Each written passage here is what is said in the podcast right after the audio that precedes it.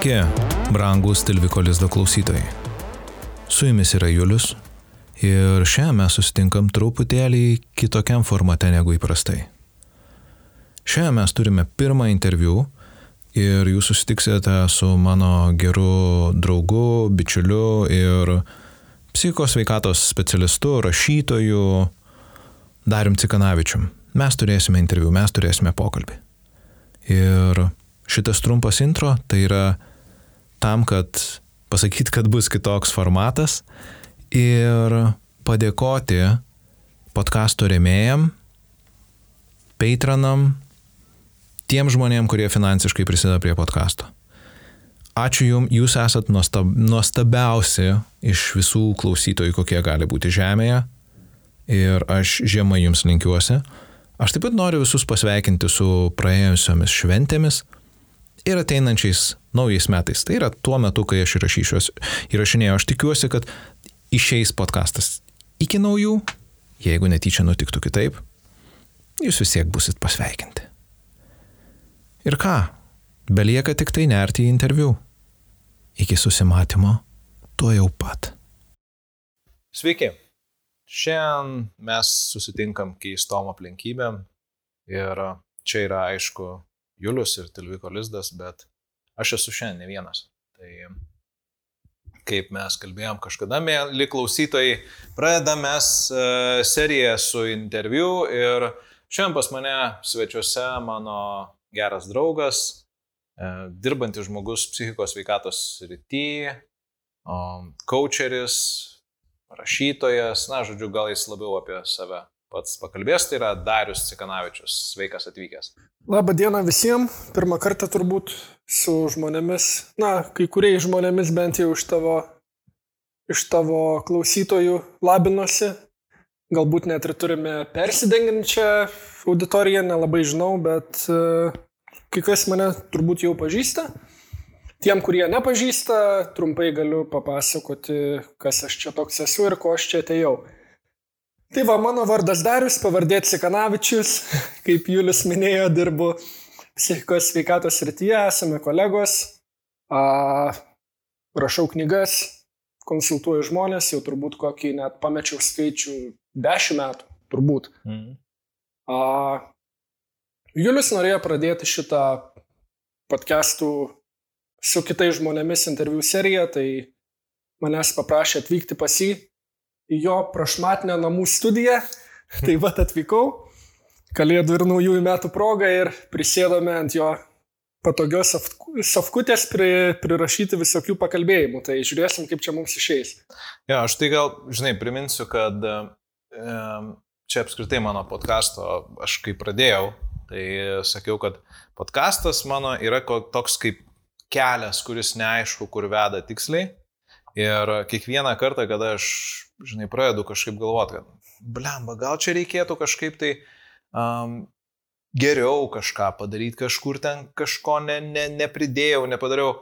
Tai, žinai, aš taip ir klausytojams, ir savo aš pasakau, mes čia darom eksperimentus, mes čia bandom kažką kurti ir tai yra toks vinguriuojantis kelias vedantis nežinia kur ir kur jis nuves Šiandien aš nežinau, nes mes apskritai tai yra mano pirmas toksai vat normalus interviu gyvenime apskritai, aš ką nors interviuoju pirmą kartą taip vat a, įrašinėjai. Tai labai malonu, kad esu tau pirmas, kaip sakant, šituo aspektu.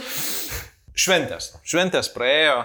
Uh, Na, dar ateina kai kurios. A, jo, teisingai, dar nauji metai, bet um, tos didžiosios, žinai, kur, kur daugiausia žmonėm turbūt kelia visokio ten nerimo ir, ir visokių vidinių ten klausimų. Taip. Ir um, žinau, kad tu esi rašęs apie, apie šventes ir švenčių visokius nerimus. Ir aš uh, irgi čia neseniai turėjau epizodą, kad vat, nu, kas, kas kelia stresą žmonėm. Ir aš manau, kad labai daug tai siejasi vis dėlto su, su šeima ir su visokiais reikia padaryti, reikia būti, reikia, reikia ir, ir, ir visa kita, kas, žinai, kas, kas kelia stresą. Tai va, ką tu manai apie tai?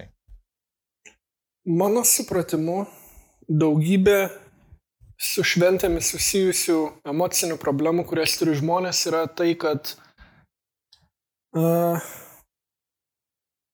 žmonės mano, na kaip tu sakei, yra daug reikia to, bet iš kur tas reikia ateina. E, žmonės apsižvalgo aplink, mato, kad kiti daro kažką. Net jeigu tau, tam, bet kuris mato kitus žmonės, atrodo, kad čia kažkaip gal nelabai natūralu, gal nelabai aš čia noriu tą daryti, gal man nelabai patinka. Jeigu aš matau, kad kiti tą daro ir kitiem atrodo normalu, na, man taip atrodo, kad kitiem atrodo normalu. Bet kiti irgi yra tokie pat žmonės kaip ir tu, jie irgi žvalgosi aplink ir žiūri, ką kiti žmonės daro ir irgi galvoja, gal čia, vat, jeigu kitiem atrodo normalu, tai tada aš čia kažkoks esu niekam tikęs, nelabai suprantu kažką ir man čia vienam kažkas netinka, bet visai visuomeniai kaip ir normalu. Daryti kažkaip, kaip čia mm, aš nenoriu daryti, nežinau, važiuoti pa šeimą, jeigu aš jos nemėgstu, jeigu iš manęs ten šaiposi, arba man ten nemalonu, arba jie kažkokie yra smurtautojai važiuoti pas juos praleisti laiką vien dėl to, kad yra tokia tradicija, atrodytų natūraliai žmogui nesinorėtų to daryti. Bet jeigu jis mato, kad kiti žmonės daro tą patį, tai jam atrodo galbūt čia taip ir turėtų būti. Ir tada jisai renkasi tą ir daryti. Mm. Ir mano, kad kažkas yra negerai su juo. Ir kiti, kaip minėjau, žmonės irgi taip pat žiūri aplink, mato, kad kiti žmonės važiuoja pa šeimą praleidžia ten laiko arba kiti stresai susijęs su tuo, kiti stresoriai, kad e, reikia pirkti dovanas, reikia, nežinau, pasipuošti namus, reikia, reikia, reikia, reikia, kaip mhm. sakai. Mm. Jo, aš, aš taip pat, žinai, galvoju, reikia, reikia padaryti kalėdinį kokį nors, nu, tokį šventinį podkastų epizodą čia, tatato ir, ta, Ir po to, aš žinai, kažkaip tai galvoju, nu ne, šventės yra iš tikrųjų tai, kaip tam, žinai, savo epizodė e, sakiau, kad, nu yra apie mus. Jeigu jau tai yra šventė, ne, nes nebūtinai apskritai tai turi būti šventė, bet, nu, jeigu jau tai yra šventė, tai tai turi būti apie, nu, apie mane, pavyzdžiui. Ir, nu, mano šventės iš esmės, aš manau, kad po ilgo laiko aš šiek tiek galbūt labiau tą šventinį reikalą turėjau tokį, tokį kokio aš noriu, nes, e, žinai, aš um, buvau, buvau su, su tai žmonėms, su kuriais aš noriu būti, aš buvau su šeima taip, kaip aš noriu būti.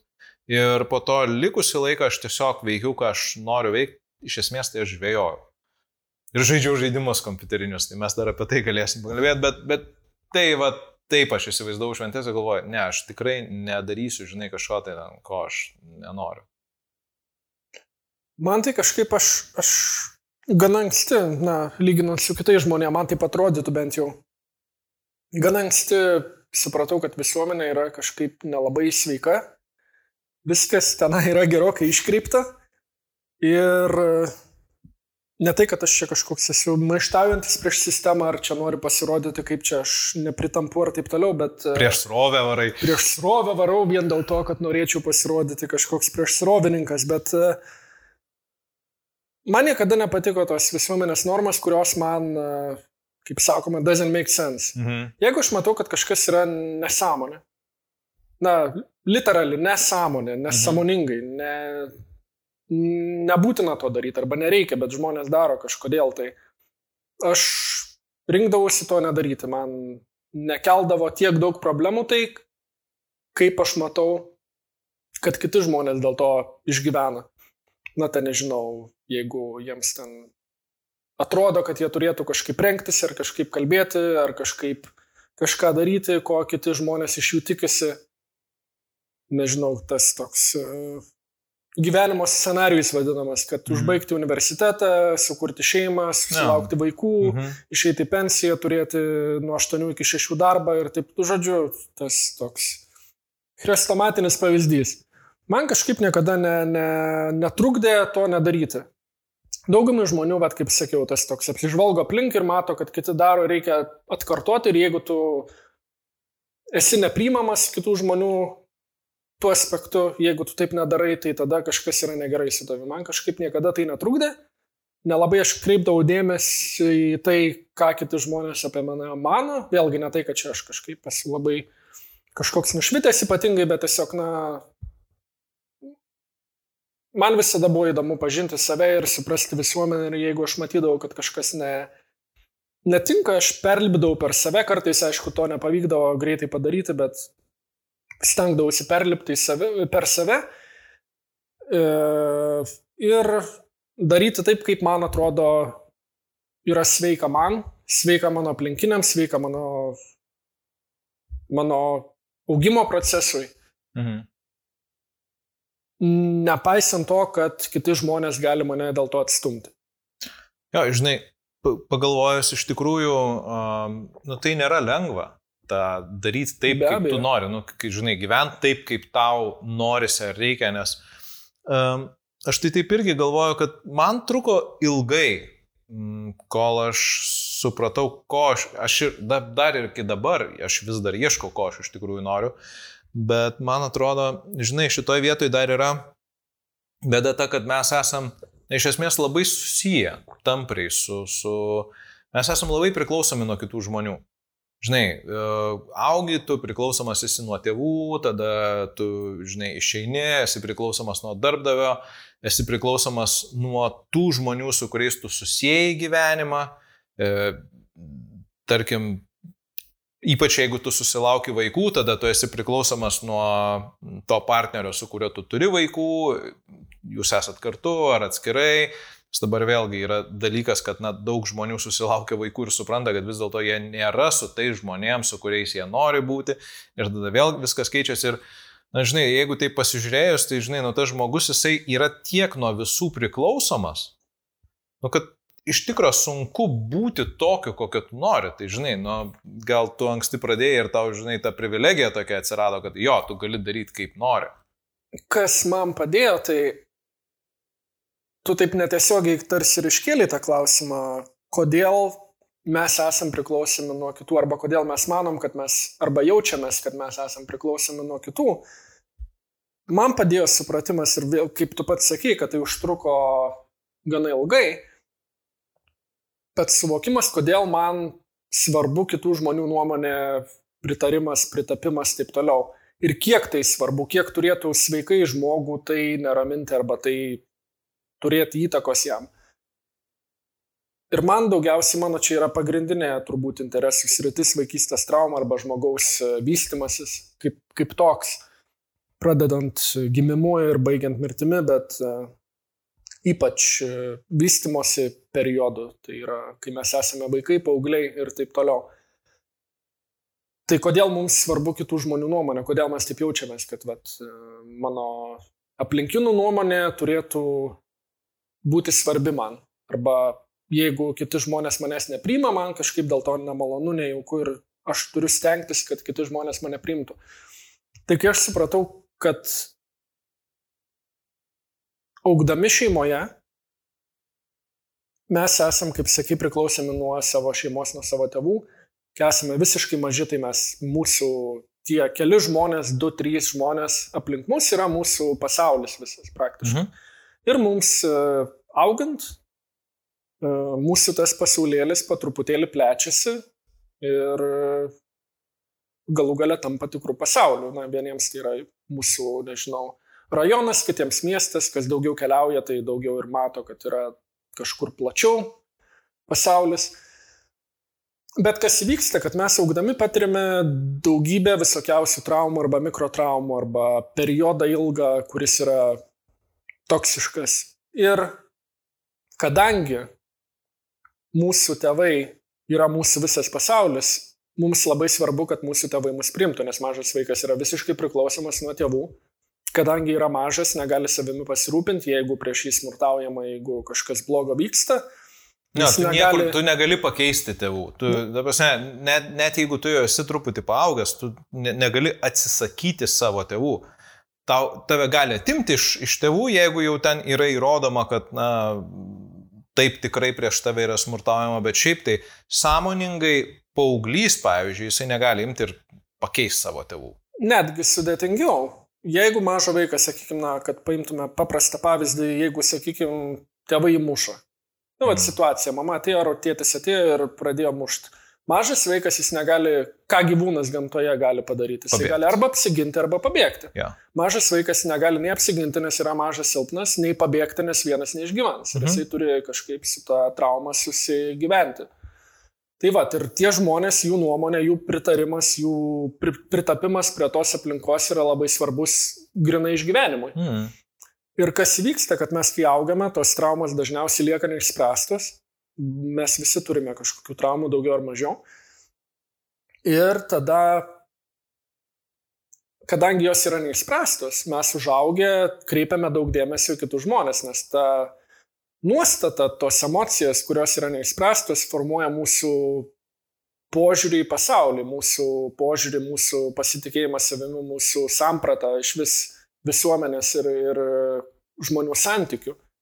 Taigi, jeigu mūsų santykiai buvo nesveiki ir mes to neišsprendėme dar psichologiškai, tai mes visą tai perkeliame, visas tas bėdas į visuomenį, į mūsų santykius su kitais žmonėmis. Tai mm. jeigu mes, sakykime, bijojam kitų žmonių augdami arba tie žmonės kažkokį netinkamą santykį su mumis suformavo, tai mes visą tai perkeldami ir jaučiame tai, kad mums labai svarbu, kad kiti žmonės mus priimtų. Mm. Bet jeigu mes tai išsprendžiam, kadangi aš vat, grįžtu prie to, ką, ką kalbėjom anksčiau, kad tu sakei, čia vat, man galbūt lengviau dėl to, kad aš anksti tą pradėjau, bet aš mm nuo to ir pradėjau, kad pradėjau dirbti su savo traumom, pradėjau dirbti su savim. Ir tą spręsdamas pamačiau, kad man netiek rūpi kitų žmonių nuomonė. Mm. Na, kitiems žmonėms yra, tai gali būti ir patologija, jeigu tau nerūpi visai kiti žmonės, gali būti psichopatas ar sociopatas, ja. nes tiesiog, na, tu neturi tam tikrų, tam tikrų įgūdžių. Žodžiu, tau nesuinstaliuota yra. Nu, empatijos tokia, sakykime. Ja. Tai vad.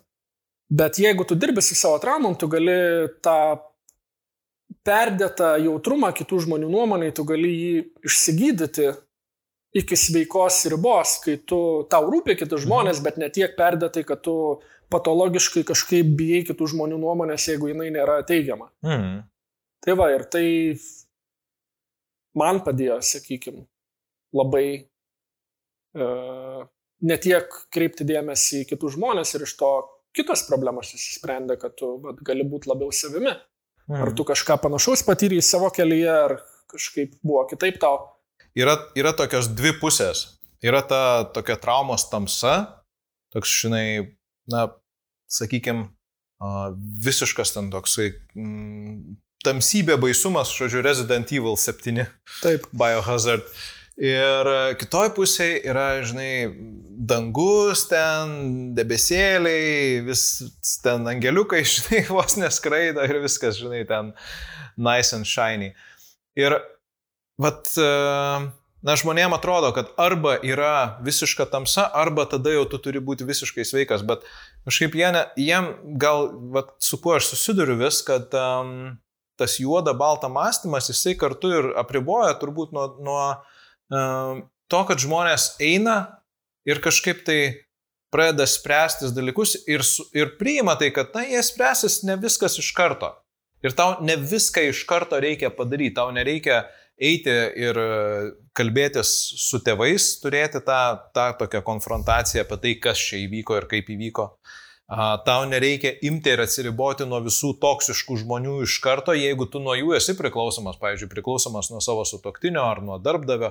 Ir, žinai, taip ne, negali taip nukirsti kirviu. Ir kas prasideda žmonėm, kada jie, tarkim, pradeda terapiją ir ypač tą giluminę terapiją ir dirba su vaikystės traumam, tai kad jiem atrodo, kad, žinai, jie staiga suprato, kad čia kažkas buvo blogai ir jie nori kaip kirviu nukirsti ir aišku, neina nukirsti, nes, nu, žinai, yra, yra labai daug saitų. Ir jeigu, žinai, nukerti iš tikrųjų, tu gali nukirsti ir tai, kas nereikia, kada tu dar nepasiruošęs tam. Man čia, žinai, va taip atrodo. Tai keli punktai. Viena, kad norėjau labai trumpai pridėti, kad tas, aš sakyčiau, kad tas juoda balta mąstymas apskritai yra kaip simptomas vaikystės traumos. Tai mhm. vien jau tai, kad žmogus masto juodai baltai jau indikuoja man bent jau, kad kažkas, jeigu aš taip mąstyčiau, aš manyčiau, kad kažkaip galbūt per daug kategoriškai, galbūt čia kažkaip ne visiškai aš matau realybę taip, kaip yra. Ir antra, kad, na, tu turbūt irgi, kadangi dirbi su žmonėm daug, bet aš ypač pastebėjau, kad dauguma žmonių tą turi tokį norą skubėti, kad aš jau čia viską supratau, jau aš čia žinau tą vaikystės traumą Ir dabar kaip čia man dabar viską išsispręsti, va dabar, dabar, dabar ir greitai ir čia nedvelint, kaip sakant, ties tuo nemastyti, ne, Mhm. nes Nebūt, su tom emocijom būt. Bet kaip čia labai greitai pabėgti, ir aš turiu, na, sakykime, savotišką, santykinai populiarų Facebook'o puslapį, kuris dabar turi turbūt gal 20 tūkstančių sekėjų. Ir dažnai susilaukiu komentarų. Koks puslapis, iš karto pasakyk dabar. vat. Self-archaeology. Ok, mes po to priminsim dar, da, žodžiu, apie... apie Tai čia apie... ne cheap plugas, bet tiesiog aš norėjau paminėti, kad Mhm. daug žmonių pasiekė mano turinį ir kad aš daug susilaukiu komentarų, kad so what now? Nes aš paustinu daug apie vaikystės traumą, apie traum, traumą kaip tokią apskritai, mm. apie narcisistinius santykius, apie pasitikėjimą savimi ir panašiai. Ir žmonės sako, jo, čia viskas aišku, bet ką dabar? Ir didžiausias darbas mano manimu ir iš mano patirties e, tiek asmeninės, tiek dirbant su kitais žmonėmis matyti, kad daugiausia darbo vyksta tame, tame buvime su savimi, tame suvokime, kaip tai vyksta ir tas suvokimas vyksta emocinėme lygmenyje daugiausia. Mhm. Ir žmonės labai skuba, vad kaip sakei, tą debesėlių šalį, kur viskas labai tobulai ir vaivorykštės ir unikornai ir visa kita. Kai reikėtų, man atrodo, pabūti su tom emocijom, pabūti su tais suvokimais daug ilgiau. Ir taip, kaip tu pats sakei, kad nevyksta greitai. Aš ir pats atsimenu, kad e, kai norėjau nutraukti santykius su tam tikrai žmonėm, kurie man, mano gyvenime buvo toksiški, netgi suvokdamas, kad tai yra man negerai, tai yra man nesveika, man yra naudinga, man yra sveika nutraukti santykius su tuo žmogumi ir kad aš sąmoningai mačiau dalykus, analizavau dalykus, kuriuos tas žmogus daro netinkamai, nesveikai. Vis tiek, kai man skambina, žiūriu, kas skambina, šeimos narys, jaučiu kaltę. Kas per nesąmonę, jau viską supratau, atrodo, tai tos kalties A. neturėtų būti. Mhm. Ir tokių istorijų aš girdėjau iš savo klientų, tu turbūt irgi girdėjai daug tokių Čia istorijų. nuolatinis dalykas yra, kad e, taip, apskritai, kaltė yra vienas iš tų svertų, kuriais mus būtent ir palaužė. Na, nu, gėda ir kaltė. Du, Taip. du tokie, nu, okei, okay, baime. Baime yra dar vienas. Reiškia, bet, bet iš esmės um, labai dažnai aš manau, kad baimė dėl to, kad bus gėda arba dėl to, kad jausi kaltę. Bet- Ir, žodžiu, ir, ir visas tas ratas taip ir sukasi. Jo, jeigu tu nesi kažkoks psichopatas, tai tiem žmonėm labai lengva tavimi manipuliuoti, jeigu tu paspaudi tą kalties ar gėdos mygtuką Mhm. ir...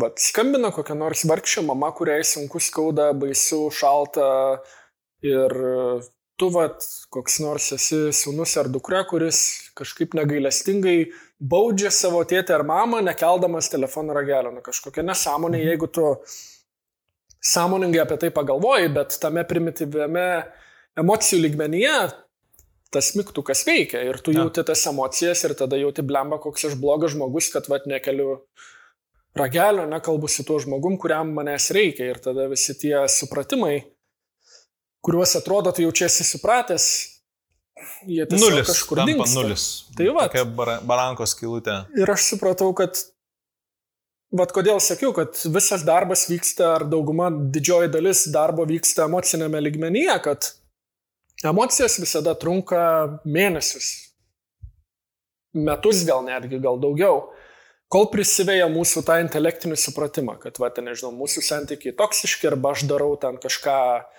nedekvačiai. Visą tą suvokti intelektualiai jau yra didelis pasiekimas, bet to neužtenka. Ir e, tas skubėjimas toks, kaip čia vad greitai kažkur kažką, jisai ne, Jo. neveikia taip greitai. Mhm. Tos Jo, jo, situacijos tas... kartojasi ilgai ir e, tokia tarsi spiralė, man patiko tokia viena citata, kažkada paustinau savo puslapyje, kad gydymo procesas yra kaip spiralė tokia. Tai yra, kad situacijos tas pačios kartojasi nesveikos, mūsų poelgiai nesveiki kartojasi, bet kiekvieną kartą jie truputėlį yra mažesni ir kol ta spiralė sumažėja ir tie tos toksiškos tendencijos po truputėlį išnyksta.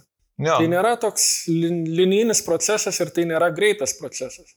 Tai būtent, na, jo, tą, tą žemyn arba aukštyn kylančią spiralę aš irgi naudoju kaip, kaip pavyzdžius, kalbėdamas, nes vėlgi kiekvieną kartą, jeigu mes, na, tarkime, buvom ilgą laiką ten toj žemyn besiviniojančiai negatyvioji spiraliai, nes aišku, jeigu, jeigu mes ilgai gyvenam toksiškose santykiuose, tai mums kenkia, tai prastėja mūsų gyvenimo kokybė ir automatiškai tai sąlygoja aplinkui viską faktiškai. Ir blogėja ir blogėja ir blogėja, kol, na, galų gale lieka tik tai visiškai disocijuotis arba, arba prasideda kokia nors ten gili depresija ir, na, žmogus iš tikrųjų nebėra tuo žmogum, kuris apskritai galėtų būti. Ir um, aišku, jeigu mes atviniojam ją atgal, nu, tai kiekvieną kartą ta vyja yra siauresnė ir tu esi aukščiau, reiškia, mažiau tave veikia. Žinai, ir um, jo, tas yra svarbu, kad, na, intelektinis tas supratimas ir, na, tas suvokimas, ar nežinau, nušvitimas, jeigu galim pasakyti, bet tai anaip tol nereliginis. Na, gyjimas ir augimas. Jo, būtent, kad jis įvyksta labai, na, palaipsniui. Čia aš visiškai tau pritariu, nes taip, žmonės perskaito, o jo, taigi čia yra su mano, su mano tėvais, čia, jo, čia su tėčiu, ar čia su mama, man dabar viskas aišku. Po kokių, nežinau, ten penkių susitikimų žmogus. Viskas, man, aš viską išsiaiškinau, man nebereikia daugiau nieko. Aš jau terapiją baigsiu čia šitoje vietoje. Ir aš, na, tokių klientų yra buvę pas mane, bet daugiau mano praktikoje yra tokių, kad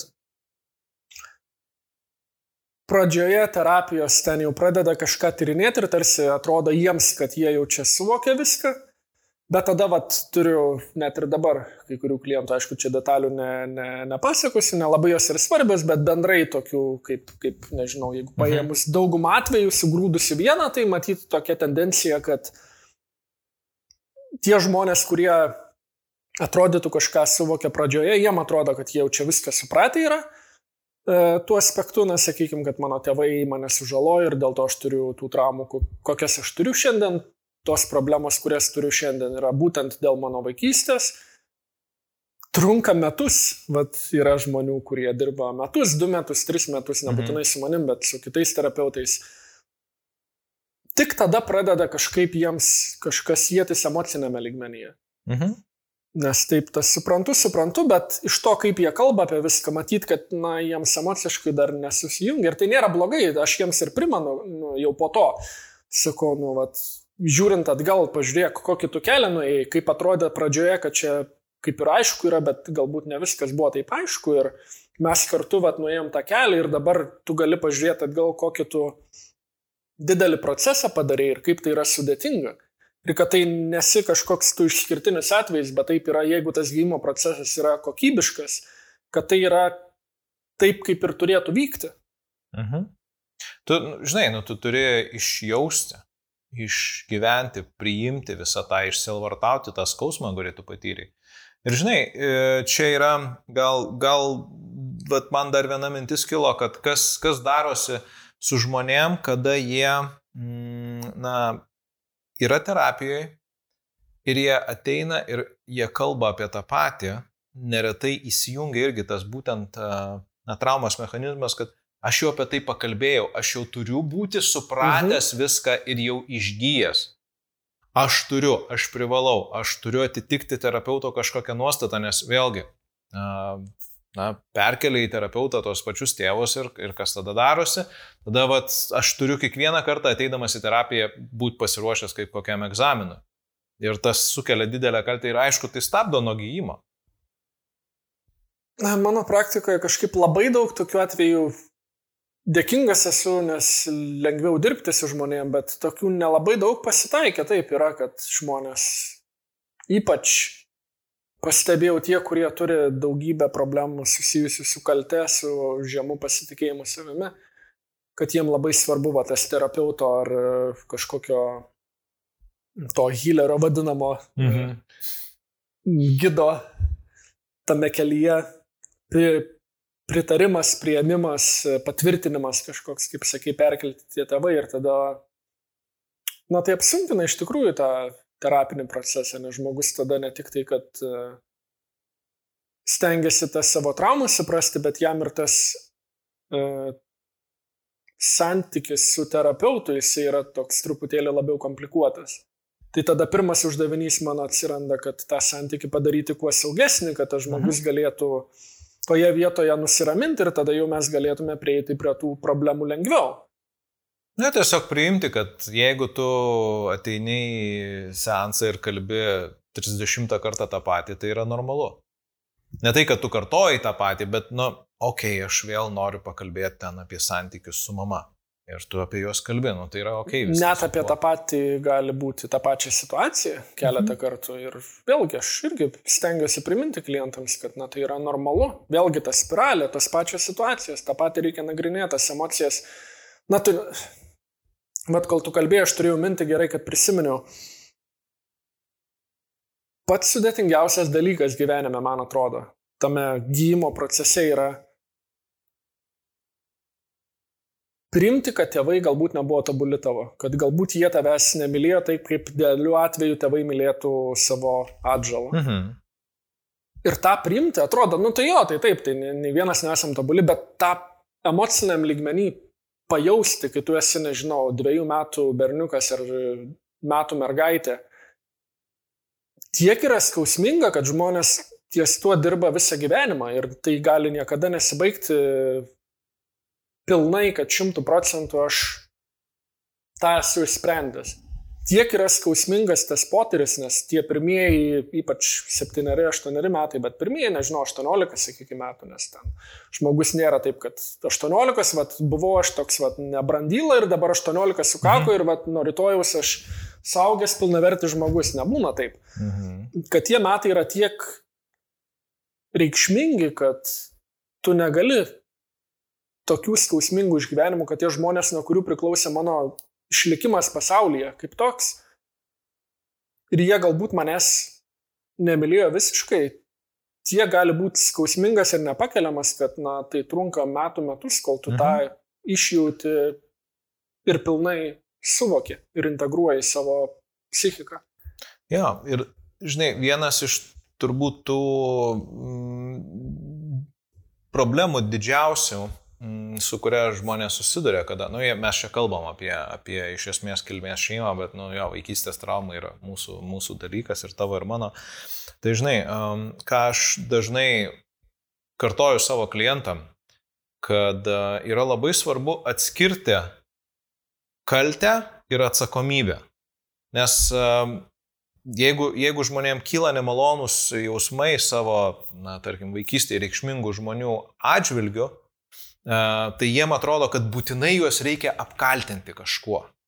Nes, na, su jais turbūt tai buvo elgiamasi, kad juos kaltina už tai, kad jie yra kažkokie netobuli negeri. Tai, nu, kaltinimas apskritai, mano akimis žiūrint, tai yra, jeigu žmogus padarė kažko, kažką nusikalstamą, tai yra specialiai elgesi taip. Bet atsakomybė tuo tarpu tai yra kitas dalykas, na, kad um, tie žmonės taip jie taip elgesi, Ir taip tu turi tuos jausmus ir jie yra tinkami. Bet nebūtina dėl to eiti dabar ir, ir ten išveikinėti visko ir iš karto kaltinti, nes dažniausiai tai tu net nesi tam pasiruošęs. Tam, tam tai konfrontacijai su savo ten tėvais ar, ar broliais, seserim.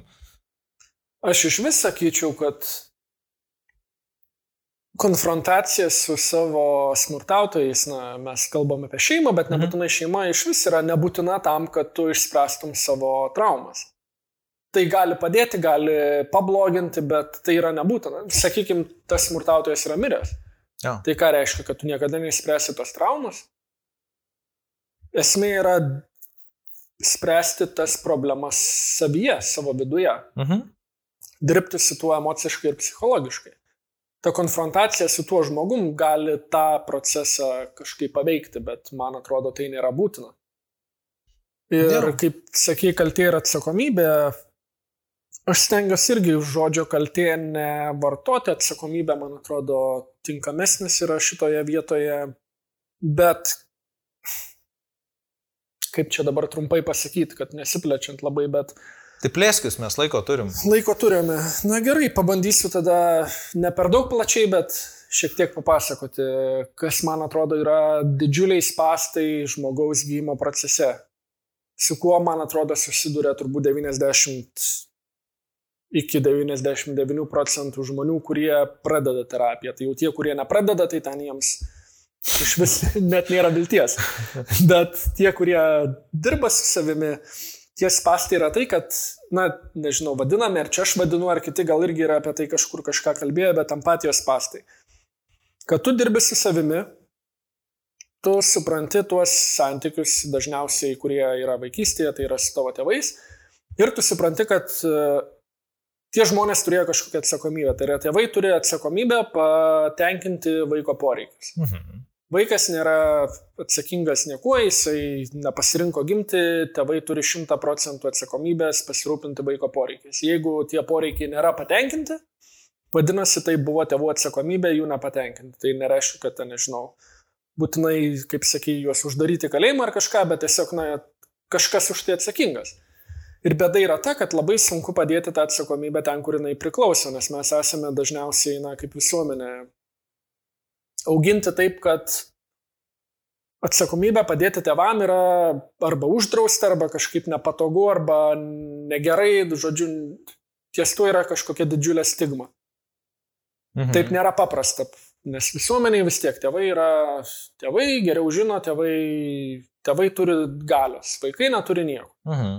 Vaikai yra durni ir nesupranta Taip. nieko jo. Nesvarbu, kad tiem vaikam, pavyzdžiui, 50 metų jau. Taip, arba kaip čia nemylėsi tėvų, mhm. arba jie geriausiai darė, ką galėjo. Taip, nu, visi tie pasiteisinimai, jo, nu, kuriuos mes čia faktas taip, kad e, tur, turbūt didžiąją daugumą atvejų Taip, jie darė, ką galėjo ir mylėjo tą vaiką kaip įmanoma, kaip jie įmanoma, kaip jie įmanomai geriau galėjo, bet tai nereiškia, kad jie tai darė tinkamai. Galbūt Žinau. netgi labai toksiškai darė, savo tą meilę, nežinau, kabutėse ar, ar tiesiogiai rodinami tuo būdu. Tai žiūrėk, analogija, jeigu aš statau namą, aš nesu statybininkas, aš darau geriausia, kaip galiu, statau tą namą, plukiuosi nuo 6 ryto iki 12 vakaro, tas namas nelabai koks išėjo. Na, no. I did the best I could, bet ja. nu, objektyviai Taip, žiūrint, nelabai kas pavyko, mhm. tai vėlgi. Tas, nu, ja, Bet, mano, tu esi, bet tu esi atsakingas taip, už tai, kad tas man, namas... Tas namas toks išėjo, koks išėjo dėl manęs, dėl mhm. mano mm -hmm. tų veiksmų. Ja. Tai va. Ja. Ties pastai užbaigsiu mintį. Yra tame, kad tu prieini tą atsakomybę ir pamatai to žmonės ir tada, jeigu nesi psichopatas, nu, psichopatai apskritai ne, neina į terapiją ir nelabai galvoja apie tai, bet e, mintis tame, kad jeigu tu turi empatijos, tu pakliūni į empatijos pastus, kad tu pradedi empatizuoti tiem žmonėm, kurie tave sužalojo. Ir tai nebūtinai yra blogai kaip, kaip reiškinys, bet dažniausiai žmonės tą daro per greitai ir tai tarsi užkerta kelią gymo procesui, nes mhm. tu vat, pradedi nagrinėti save, pradedi jausti empatiją savo kaip vaikui ir galvoji, blemba, kaip man buvo skaudu ir aš vat, pradedu jau... O bet tai kaip tevam turėjo būti?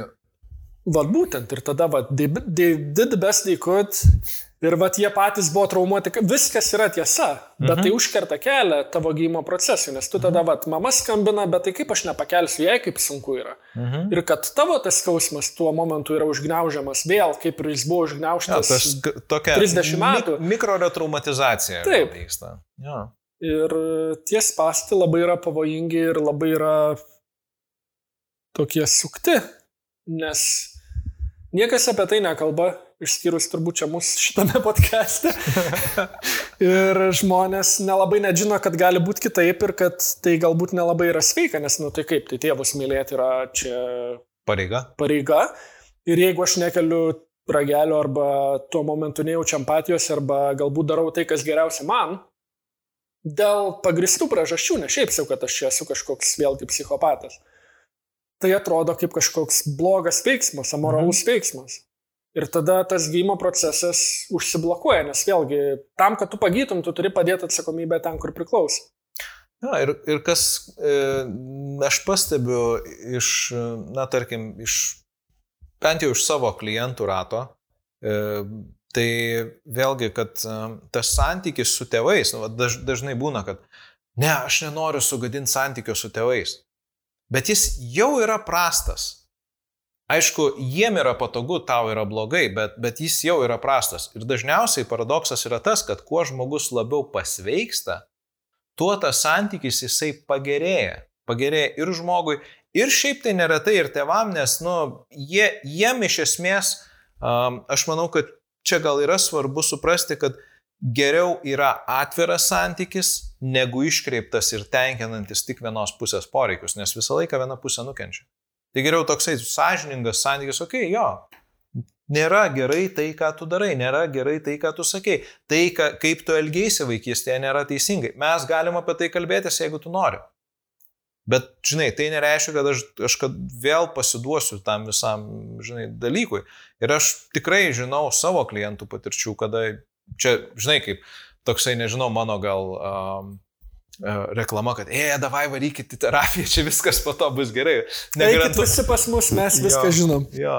Uh, ne, aš nekalbu tai, bet uh, apskritai tas, tai gali, na, tas santykis gali pagerėti bent jau ta prasme, kad jis bus sąžiningas, jis bus atviras ir neretai ir patiems tėvam gali padėti, tai, tai nežinau, katalizuoti kažkokius tai jų vidinius pokyčius. Bet nebūtinai taip, taip turi būti. Dažnai ką klientai mano, arba kur užsikerta, vėlgi kiti spasti, kad jie nori, kad būtų visi laimingi. Ir dažnai, na, praktiškai nežinau, vėlgi čia statistiškai nepasakysiu, bet daugiau nei 50 procentų turbūt tikrai atveju yra, kad na, negali būti visi laimingi, nes santykiai jau yra nesveiki ir dažniausiai jie nepagerėja iki tiek, kad jie būtų abiem pusėm pilnavertiški. Jie gali pasidaryti geresni, sveikesni, kaip sakai, nebūtinai artimesni, bet sveikesni, kas mhm. yra didelis pasiekimas bet dažnai na, nebus abi pusės laimingos, nes viena pusė nori kažko, kas jiems nepriklauso. Jau peržengia kitos pusės ribas ir jiem atrodo, kad tiek jiem ir priklauso. Ja, ir jeigu tu sakai, ne, mano riba yra čia, aš tau neduosiu tai, kas tau nepriklauso, jie gali jaust, kaip kalbėjom, gėdą kaltę, kad kaip aš čia dabar nuskriausiu tarsi mhm. tą žmogų, kai realiai tu tiesiog neduosi kažko, kas jiems nepriklauso. Ir tada galvoju, bet tai kaip aš čia tada nuskriausiu tą žmogų, kaip čia dabar padaryti, kad visi būtų laimingi, bet kaip čia dabar, kad ir mama būtų laiminga, ir tėtis, ir mano sutoktinis, ir aš, ir kaimynas, ir darbdavys, bet ir kad aš būčiau laimingas. Ir dažnai nelabai įmanoma, nes tas viena, kad laimės suvokimas yra iškreiptas jau, mhm. kad turi visi patenkinti, arba kad tu turi patenkinti visų poreikius. Ir tą padaryti yra, na, daugumą, daugumą atvejų neįmanoma. Tu turi tiesiog priimti sunkų sprendimą, kad čia yra mano ribos, aš jas užsibrėžiu ir kaip jau kitiems žmonėms tai atrodys, kaip jie elgsis, aš turėsiu su tom pasiekmėm susitvarkyti, bet aš renkuosi nebebūti nesveikoje aplinkoje. Nebūti, nebūti aplinkoje, kur žmonės elgesi su manimi nesveikai arba reikalauja kažko iš manęs. Mhm. Arba aš pats nenoriu būti nesveikas tuo aspektu, kad aš duodu kitiem per daug. Dar vienas, kai, kai tu kalbėjai, man tokia mintis kilo, kad, kad yra, žinai, yra dinamika, kada, kada iš esmės apsikeičia, kada, kada mes suaugam, tai ta galios dinamika, o tėvai pasensta tad galios dinamika pasikeičia ir tada tėvai tampa tokiais tarsi mažais vaikais, kuriais mes suaugę vis dar turim rūpintis. Jau net nerūpinamės ir mes jais rūpinamės ne dėl to, kad, kad na, sąmoningai to norim, bet dėl to, kad jie tiesiog tampa vat, tais tokiais, uh, realiai įsijungia tas nesąmoningas mechanizmas, kad uh, iš esmės tėvai užaugino savo priemonę padedančią uh, nežinau, sveikai, kaž... ne, nesveikai pasenti, kažkaip tai patogiai gal pasenti.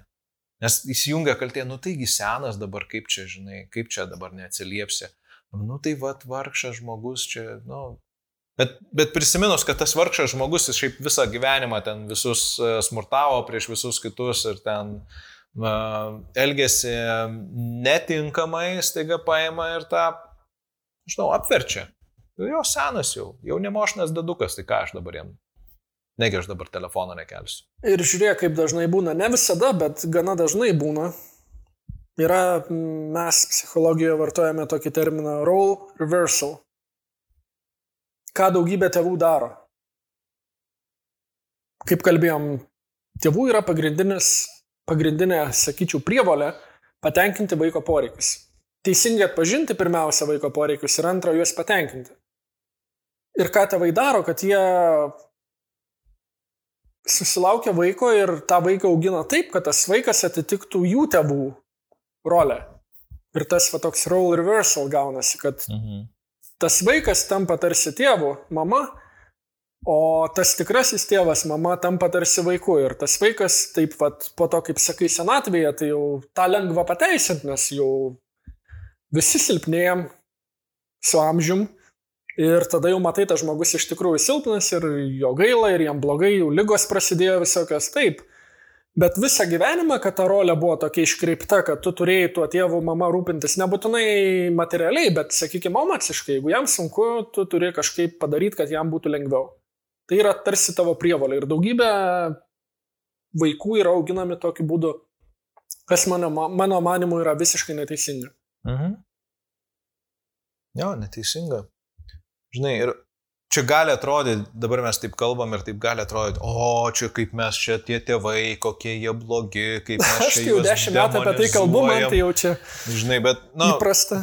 Um, matai, aš gal tokį matau mm, dalyką, kai, kai mes taip kalbam ir tą, na, žmonės vėlgi, jiem atrodo, kad, kad jeigu, jeigu jie demonizuos kažkaip tėvus, tai, tai yra kažkas labai blogo, labai netinkamo ir tada jau jie, nu, iš esmės, kaip, kaip aš ir sakiau, žinai, tu turi eiti ir konfrontuoti iš karto, jeigu kažkas blogai, tau reikia spręsti. Nu, nereikia spręsti. Um, ir, um, žinai, gal yra svarbu suprasti, kad tai, kad tu tai supranti, tai nereiškia, kad tu turi kažką su tuo būtinai iš karto daryti, kad, žinai, greitai čia viskas įvyktų. Ir kitas dalykas, kad, na, iš esmės, jeigu tu tą supranti, kas su tavimi yra įvykę, tu gali neperduoti tos estafetės iš kartos į kartą. Tai yra nesielgti su savo vaikais taip, kaip su tavimi elgėsi tavo tėvai. Na, netraumuoti savo vaikų taip, nes greičiausiai, na, aišku, nėra žmonių be traumų, tas yra neįmanoma, bet galima tų traumų mažiau perduoti. Ir tai vyksta realiai, na, kadangi apskritai tas, na, tarkime, psichologinis visas klimatas šeimose, jisai, jisai tikrai gerėja. Dabar jau visi supranta, kad um, mušti vaikus jau yra blogai. Jau, jau apie tai viešai kalbama, nes, nu, prieš 50 metų tai buvo visiška norma. Jo, aš turiu dar ir pamenu, va dabar pasakai, prisiminiau, net buvau pamiršęs kažkokį lankstinuką, man atrodo, dešimties galapos išvertęs apie vaikų mušimą. Mhm. Tai buvo gal prieš penkerius metus, nepamenu. Tai apie mušimą vaikų dabar iš tikrųjų jau žmonės tarsi daugybėje šalių jau yra įstatymai netgi. Ta draudžiantis daryti, ko anksčiau nebūdavo Lietuvoje, aš dabar net nepasakysiu, nes gal po to pakalbėsim apie tai daugiau, bet uh, ne per seniausiai aš grįžau į Lietuvą, tai nesu labai šviežiai pažįstamas su lietuviškais įstatymais, bet daugybėje šalių jau yra uždrausta fizinis smurtas prieš vaikus, kaip tai praktiškai yra gyvendinama jau kitas klausimas, bet bent jau žmonės žino, kad kažkaip gal čia nelabai gerai yra mušti vaikus. Na, aš tai matau, kad, na, gatvėse, pavyzdžiui, kas vyksta, tai ar, ar ten, kai aš dar naudojau Facebooką, tai irgi būdavo, kad kažkas įkelia ten reiškia kažkokį tai video, kur kažkas skriaudžia ir ten pasakoja, kaip ten priejo prie to žmogaus ir ten kažką kalbėjo, ar ten žodžiu, nu, nu iš tikrųjų jo, tas, tas man atrodo, kad uh, uh, sąmoningai gal nelabai, bet, na, vis tiek tų traumų mes mažiau perkeliam į ateitį. Ir tai, kad mes, aš manau, kad mes su tavim darom gerą darbą kalbėdami apie tai ir prisidedam prie to, kad žmonės Jeigu nors vienas žmogus pasakys, okei, okay, aš kažką tai galbūt galiu daryti geriau su savim ir tada automatiškai su savo vaikais, arba galiu daryti tiesiog geriau su savim ir būti geresniu žmogum pasauliu, aš manau, kad tai jau yra ok. Tu čia taip tarsi tokį disclaimerį uždėjai, kad tai čia va, žmonėms labai atrodo blogai ir baisu ir kaip čia galima varyti ant tėvų. Mhm. Ir kaip čia sakyti, kad jie blogi, tai pirmiausia, nereikia iškreipti, na, čia ne tai, kad tu darai, bet yra žmonių, kurie vat, girdi tai arba mato, ką mes kalbam, kažkur ten paustinam kažką. Ir atrodo, kaip čia tokį stromeną padaro, kad kaip čia, tai tu čia sakai, kad visi tavo vaikai. Kas yra visi... stromenas? Stromenas yra tas toks, žodžiu, šiaudinė baidyklė. Argumentas, kai tu paim argumentas kabutėse, bet, žodžiu, loginė klaida, argumentacijos klaida, kai tu iškreipi argumentą kažkokį. Tai, sakykime, šitoje vietoje tai būtų, jeigu taip ir vyksta žmonės iš tikrųjų, aš to sulaukiu, tu gal irgi esi to sulaukęs, kad sako, va tai tu sakai, kad visi tėvai yra blogi ir kad, žodžiu, čia tu ant tėvų varai ir taip toliau. Tai jeigu tu paklausytum tą podcastą atsisukęs nuo pradžių ir susirašytum ir iš tikrųjų objektyviai pažiūrėtum, tu matytum, kad pirmiausia, mes kalbam apie psichologiją, apie žmogaus raidą ir mes turime argumentų tam, kam sakome, mes ne šiaip sakom, tėvai yra blogi, nes ten, nežinau, mane mušė vaikystėje yra visas mokslas, kuris tą, nežinau, paaiškina visą tą, apie ką mes kalbam. Mm. Ir tą taip reduktuoti iki to, kad čia tu sakai, kad visi tėvai yra blogi, man atrodo, mažų mažiausiai yra neteisinga ir bailu. Ir antras uh, pointas, kurį norėjau paminėti, uh, tu irgi taip čia dėl to disclaimerio truputį susi neraminai atrodytų, uh, E, ar čia norėjai nuraminti savo klausytojus, kad čia kaip čia dabar, čia žiūrėkit, viskas gal netai blogai yra, bet aš jau, kaip sakiau, apie tai kalbu dešimt metų ir aš jau esu apie tai pripratęs, e, apie tai girdėtų įvairiausių komentarų ir mane kas stumia į priekį tą toliau daryti, kad taip, yra žmonių, kurie nesuprasto, yra žmonių, kurie kažkaip iškreipsta, bet kuo toliau, tuo daugiau sulaukiu, vėlgi, kaip sakiau, mano Facebooko puslapis ir kiti šaltiniai kanalai plečiasi laikui bėgant ir kuo toliau, tuo daugiau sulaukiu tiek asmeninių žinučių, tiek e-mailų, tiek e, komentarų po savo turiniu, kad žmonės dėkoja man nuolat, kad džiaugiasi, kad aš pakeičiau jų gyvenimą į gerą kad jie suprato kažką, ko nesuprato ir kad tai buvo nepaprastai naudinga. Ir iš tikrųjų tie dalykai, apie ką mes kalbam, yra nepaprastai sunku suvokti, vėlgi emociškai. Bet ta nauda, kurią tu gausi, patyręs tą, nežinau, nepatogumą kurį laiką, yra neįkainojama. Mhm. Ir aš mhm. apie tai turbūt pačiuose pirmuose savo įrašuose, kurių turbūt niekas neskaitęs, yra rašiau apie tai, kad e, kelias yra sunkus, Visa tai yra labai sudėtinga, ilgą laiką trunka visą tą išspręsti, padaryti ir judėti į priekį ir kalbėti apie tai. Bet rezultatas yra iš tikrųjų neįkainojama. Na čia kalb, skamba tai, ką mes kalbam, gal truputėlį taip ezoteriškai kartais, ar čia pakilėtai kažkaip, bet uh, iš tikrųjų taip yra. Jeigu tu esi tas žmogus, neabejoju, tavo auditorijoje yra tokių žmonių, kurie iš tikrųjų tą kelią jau yra kažkiek paėję jie jau mato, kad iš tikrųjų taip ir yra, kad iš tikrųjų visa tai veda į neįkainojamą gėrį, kad tu jautiesi nepaprastai sveikiau, tu esi laimingesnis visokiojopai. Tai nereiškia, kad vėlgi visos pusės yra laimingos visose situacijose, bet kad tu kaip asmenybė esi sveikesnis ir kad tu augi, kad tu tobulėjai. Mhm. Ir tai yra, nežinau, man yra tai pats svarbiausias dalykas mano gyvenime. Matai, aš e, tą disclaimerį naudoju. Mm reiktų gal lietuviškai kažkaip, kaip palauk, yra diskusija. Nu, va, aš todėl angliškai ir sakiau. Perspėjimas, va.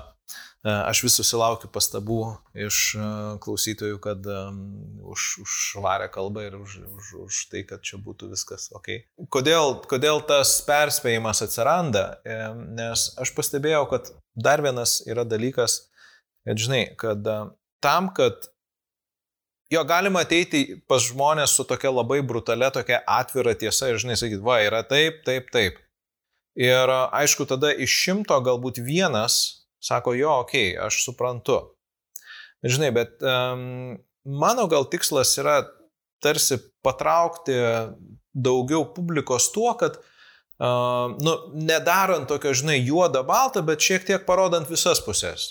Žinai, nu, nu nedemonizuojant uh, ne, nedemonizuojant vaikystės traumas, kad, o, čia kaip blogai darė tėvai. Taip jie skaudina vaikus, taip žmonės, žmonių gyvenimai sugriūna dėl to, kad tėvai uh, netinkamai su vaikais elgėsi vaikystėje.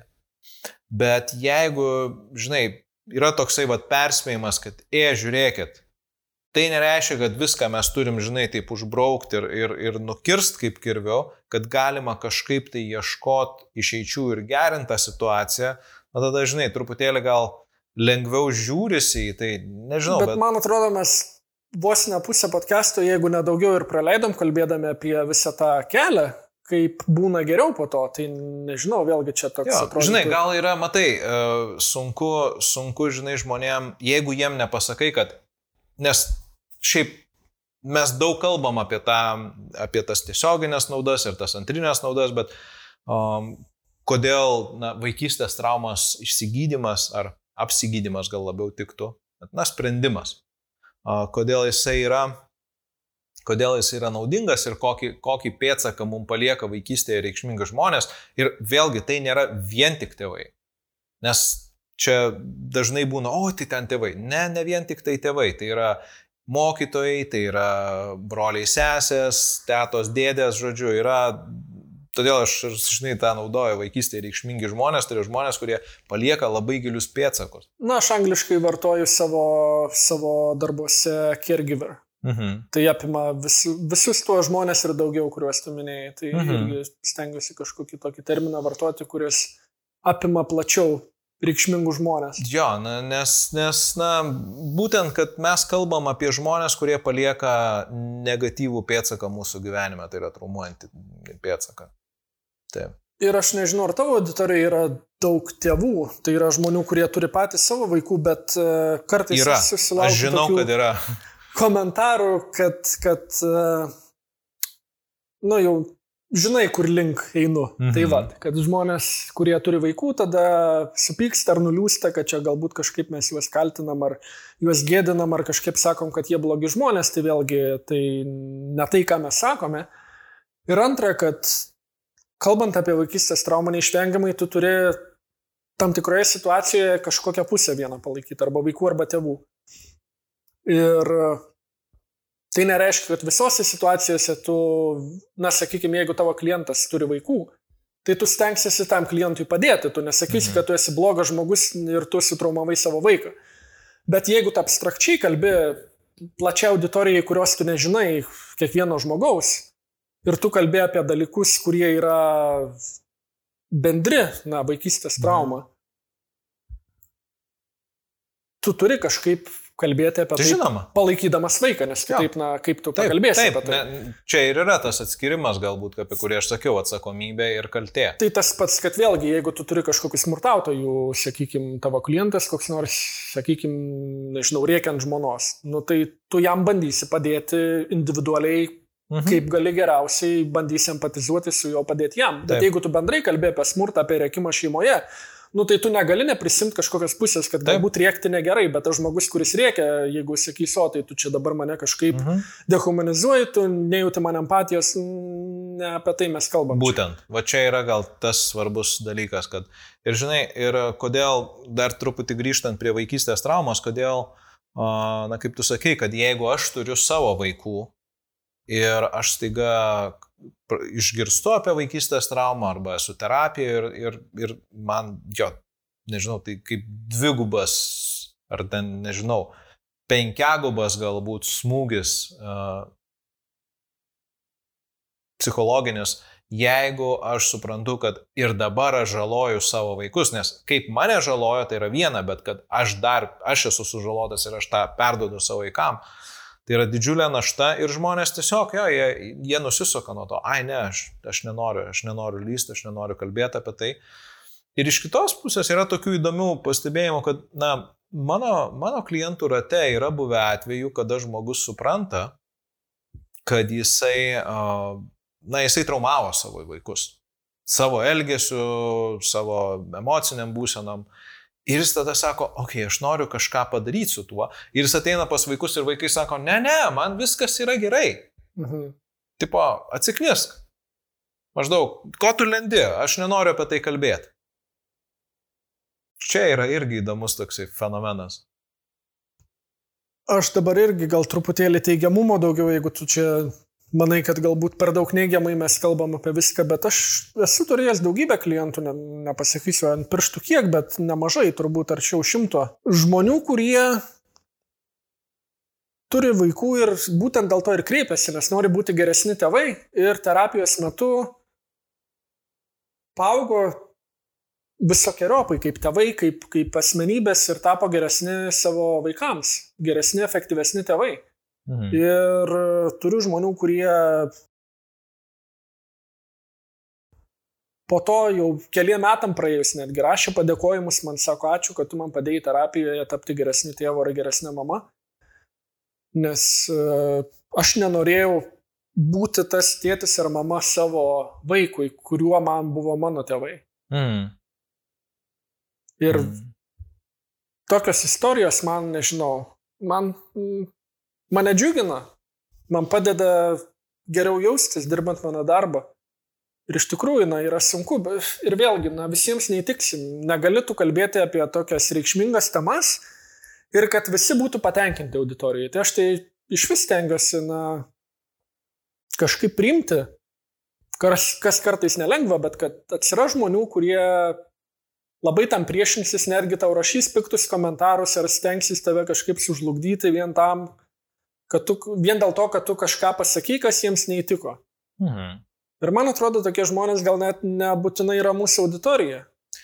Ja, ir vėlgi lengviau yra su žmogum, kai vėlgi aš dėl to ir mėgstu labiausiai, dėl to tų interviu su manim gal nėra labai daug netgi internete, nes aš nelabai ir mėgstu kalbėti plačiai auditoriją, aš mėgstu vieną su vienu su žmogum dirbti mm. arba mažoje grupelėje, nes tada tu individualiai gali empatizuoti su tuo žmogum ir parinkti tokią kalbą, kokia tam žmogui būtų naudingiausia. Tai vad jeigu mes kalbėtume dabar tiem žmonėm, kurie yra, nežinau, smurtautojai, mes visiškai kitaip kalbėtume apie tai.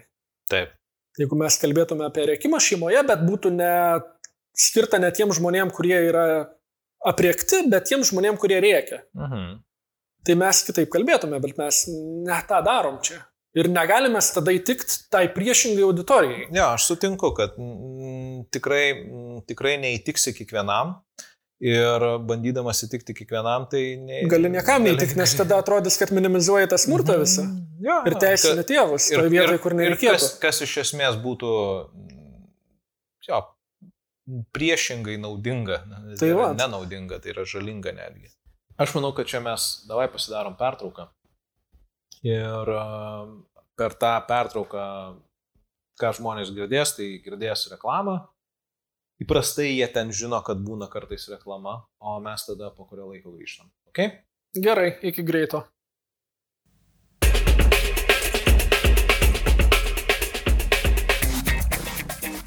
Mielas klausytojų, tu gali padaryti labai gerą darbą.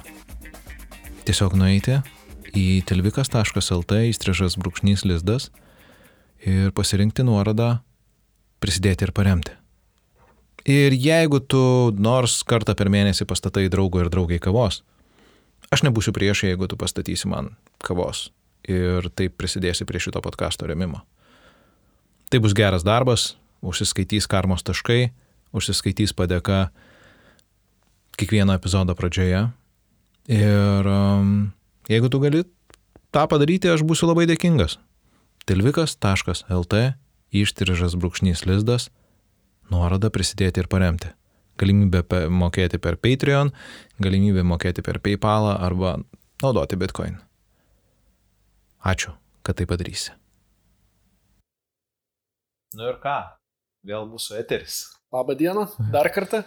ja, tai aš primenu, kad e, su manim ši čia, toj mūsų improvizuotai studijoje, yra Darius Sikanavičius ir mes su juo kalbėjom apie vaikystės traumą Ir, žinai, tu minėjai mm, savivertę, psichologinį atsparumą, ten, žodžiu, na, apie tai, apie tai labai daug žmonės kalba. Daug nėra aišku, kas tiksliai tai yra, kiekvienam turbūt skirtingai, tai gal tu pats, žinai, kaip, kaip tu matai, va, jo, kas tai yra savivertė? Savivertė pasitikėjimas savimi, žmonės vartoja įvairių savokų, Aš dabar net ir nepasakysiu, ar apie tai esu kažką kalbėjęs ir rašęs lietuviškai, bet angliškai kažkur yra keturių video serija, gana seniai tą esu įrašęs. Būtent apie pasitikėjimą savimi, tai yra angliškai self-esteem. Ir kaip aš tą suprantu, kaip man atrodė paprasčiausia visą tą ir, ir tiksliausia suvokti tai, kad Pasitikėjimas savimi, self-esteem, tai yra savęs matymas, savęs vertinimas, kaip tu vertini save, tas self dalis referuoja į save kaip asmenybę, o esteem tai yra vertinimas. Save kaip tu matai, kaip tu vertini. Mhm. Ir problemos, kurios yra susijusios su savivertė, su savęs vertinimu, su pasitikėjimu savimi, yra dviejopos, dviejų rūšių. Pirma, tai yra savęs nuvertinimas ir antra yra savęs pervertinimas. Ir iš to peršas išvada, kad sveikai turėtume mes tada, jeigu mes norime turėti sveiką pasitikėjimą savimi, mūsų tikslas, mūsų siekiamybė galėtų būti save matyti kuo objektyviau. Kiek jau mes čia gebame iš savo subjektyvios varpinės save matyti. Kuo tiksliau, kuo objektyviau, tuo mes turime sveikesnį pasitikėjimą savimi, sveikesnį savivertę. Mhm. Ir tos dvi problemos mes galime galbūt apie jas truputėlį plačiau pakalbėti. Dažnai yra savęs nuvertinimas, tai kad tu matai save kažkaip netiek gebantį, netiek kompetentingą, koks tu iš tikrųjų esi. Tai vėlgi norėčiau pabrėžti, kad problema yra ne tai, kad tu kažko negebi, problema yra tai, kad tu kažką gebi, bet tu manai, kad tu kažko negebi. Čia tas gebi labai plačiai, bet žodžiu, kad tu esi kažkoks menkesnis, negu tu iš tikrųjų esi. Tai yra tavo galvoje ta problema. Na, tu kažką, sakykime, gebi padaryti, tu turi kažkokį įgūdį, tu turi kažkokią savybę charakterio, bet tu manai, kad tu jos neturi arba kad tu kažkoks esi menkesnis, nes, sakykime, tu manai, kad tu esi blogas arba savanaudis arba gopšus ar dar kažkoks, mm. kai tu realiai toks nesi. Tai yra tiesiog tavo galvoje klaidingas įsitikinimas ir su tuo susijusios emocijos - gėda, kaltė, baimė, pyktis, dar kažkas, gali būti daug jų. Ir iš kitos pusės, kiti žmonės kitokio tipo arba tie patys netgi žmonės kitose situacijose gali turėti tą kitą problemą, kai jie save pervertina. Jiem atrodo, kad jie kažkokie yra geresni, labiau gebantis, turi kažkokių savybių, kurių jie realiai neturi. Tai dažnai būdinga žmonėm, kurie turi narcisistinių tendencijų, psichopatinių, sociopatinių, kurie mano, kad jie yra kažkokie labai protingi, labai geri, labai gebantis kažką save akivaizdžiai pervertino. Mhm. Tai va, ir tos dvi problemos yra kilusios iš pasitikėjimo vertinimo savęs. Jeigu mes save vertiname objektyviai, kuo objektyviau save galime vertinti, vėlgi čia jau rezimuojant, tuo mūsų pasitikėjimas savimi yra sveikesnis. Tai tokia samprata, man atrodo, pati paprasčiausia, ne tai kad paprasčiausia, bet pati tiksliausia gal. Mhm. Jo, nes um, čia mes per pertrauką kalbėjom apie tą pasitikėjimą savimi ir tu sakai, kad na, tai gali būti kaip uh, žmogus, kuris uh, turi kompiuterio gedimą ir uh, negali negali pataisyti jo, nors geba, jeigu jo savirtė per menka, arba jisai geba, be, tai yra negeba, bet jisai apsiema jį taisyti. Ir jeigu jo savirtė yra, na, perdėtai, ne, ne, dabar šiandien neadekvačiai uh, didelė. Neadekvačiai didelė, tai reiškia, kad ne, ne, ne, ne aukšta, bet jisai save vertina gerokai geriau, negu kad iš tikrųjų jis yra. Ir, žinai, man analogija tokia, mm, aš galvoju, na, kompiuteris atrodo paprasta. Bet tarkime, mm, kitas dalykas, kad jeigu tu turi gyvenimo situaciją ir tave, tave puola zombiai ir tu pribėgi ežerą ir tu nepasitikė savimi arba turi menkesnę savivertę tiek, kad tu bijai, kad tu plauksi ir nuskesi, nors tu šiaip tai mokėtum plaukti, tai tave zombiai suvalgys, Bet jeigu tu pervertini save, tai tu tada įkris, įšoksi į ežerą, plauks ir nuskesi. Ir abiem atvejais, na, yra toks jau, žinai, bloga, bloga išeitis, tai pritraukus prie realesnio gyvenimo, kuriame yra zombių. Jo, tai aš tą pavyzdį apie kompiuterį, kurio čia nebinėjau šitame įraše, bet kalbėjom per pertrauką, tu jį dabar iškėlė vėl ir tada kitą analogiją pateikė čia tokios, na, mes juos vartojam labiau tuos pavyzdžius, kad tiesiog iliustruoti tą teorinį supratimą mhm. pačios savokos. Bet gyvenime dažniausiai netokiose situacijose mes susidurėme su pasitikėjimo savimi problemomis. Ok, dažniausiai... kompiuteriai genda, zombiai gal nelabai atsiranda. Nu, genda, bet nebūna, nežinau, žmonės ateina į terapiją ir verkia, kad jie negebėjo kompiuterio pasitaisyti ar pervertino tą savo gebėjimą.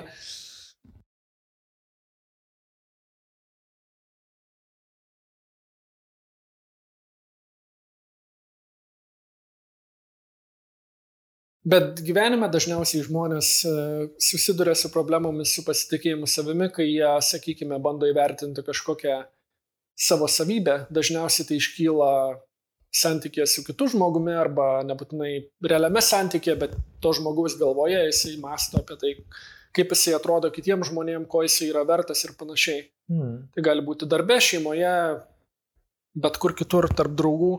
Jo, žinai, aš manau, kad e, aš, žinai, iš savo asmeninio gyvenimo ir asmeninės patirties turiu labai ne, gerų savo pavyzdžių, kada aš neadekvačiai save vertinau ir kur tai nuvedė. Nes, pavyzdžiui, mano pervertinimas savo, nežinau, finansinių ar verslumo gebėjimų jisai nuvedė į tam tikrą, na, gilę, sakyčiau, finansinę krizę. Ir, tarkime, perdėtas nepasitikėjimas, jisai ilgą laiką man trukdė tiesiog, na, imti ir kažką daryti tose kritinėse situacijose, kada realiai buvo galima daryti kažką. Ir aišku, tada, žinai, tokiais, tokiam situacijom yra žmonių, kurie ateina ir tau pasako, e, žiūrėk, bet tai tu gali daryti, tu gali kažkaip tai ten, nežinau, pakilti iš pelenų kaip Feniksas ir kažką padaryti. Ir tada tu sakai, o jo, nu gal ir galiu. Bet tada reikia kito žmogaus pastiprinimo. Arba tada kitas žmogus ateina ir sako, e, žiūrėk, tu jau, tu jau prisidirbęs, vieną kartą buvai prisišykęs.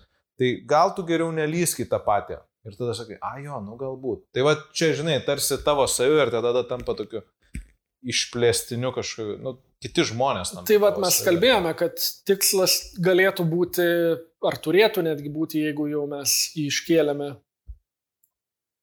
matyti save kuo objektyviau ir tą padaryti mes, kaip kalbėjom, galime tik tai iš savo subjektyvios psichikos mhm. perspektyvos.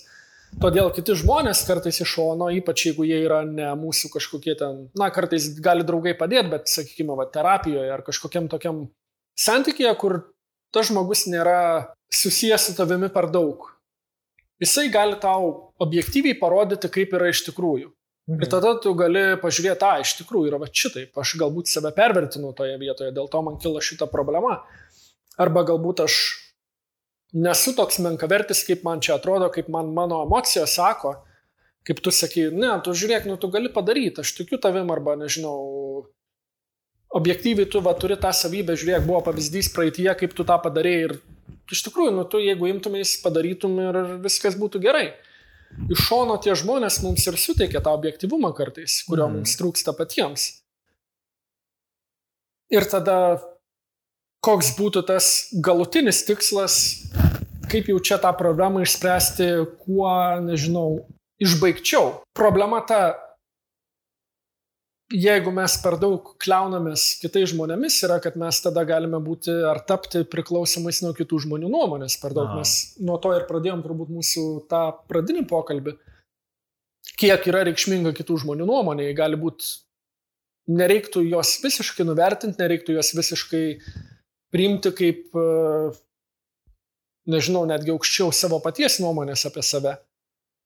Taigi tas toks galutinis tikslas galėtų būti išmokti save vertinti pačiam, kuo objektyviau. Tai yra išsiugdyti, sakykime, loginį mąstymą, argumentaciją. Kad tu, kaip žinot, ar aš esu savanaudis, reikia žinot, ką reiškia būti savanaudžiu. Tai yra tu paimi savanaudiškumo. Ta savoka, bendrai, bet kokią savoką. Mhm. Ties, kurią tu ten jau kontempliuoji, ką čia, ką čia dabar man daryti, ką tai reiškia. Tu ją paimi, tu ją apsibrėži objektyviai. Pasimi žodyną galų galiai, jeigu tau kažkaip pačiam nelabai išeina.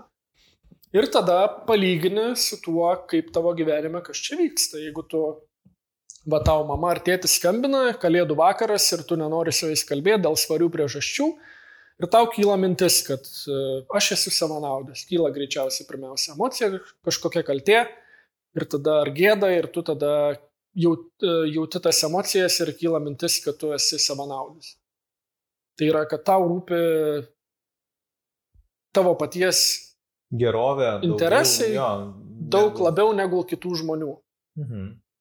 Ir iš to plaukia, kad tau turėtų kitų žmonių interesai rūpėti labiau negu tavo paties, kas vėlgi yra diskutuotina. Bet tu gali tada pažiūrėti, ką reiškia būti savanaudžiu. Ja. Ir palyginti tą savoką su tuo, kas vyksta ir pamatyti, ar tu iš tikrųjų elgesi savanaudiškai ar ne. Ne, tai čia... Tai čia tik vienas pavyzdys, bet tą su bet kokią savoką gali padaryti ir tada palaipsniui tas pasitikėjimas tavo savime auga tuo aspektu, kad tu save matai objektyviau.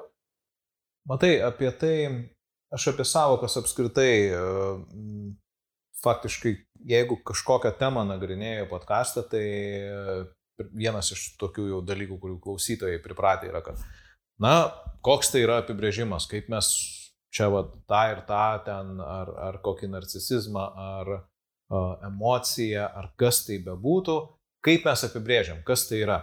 Na ir tada jau iš to mes ten judam kažkur tai, kas, ką tu su tuo daryti. Ir um, gal yra problema ta, kad žmonės um, apibrėžimus taiko labai, labai vis dėlto subjektyviai.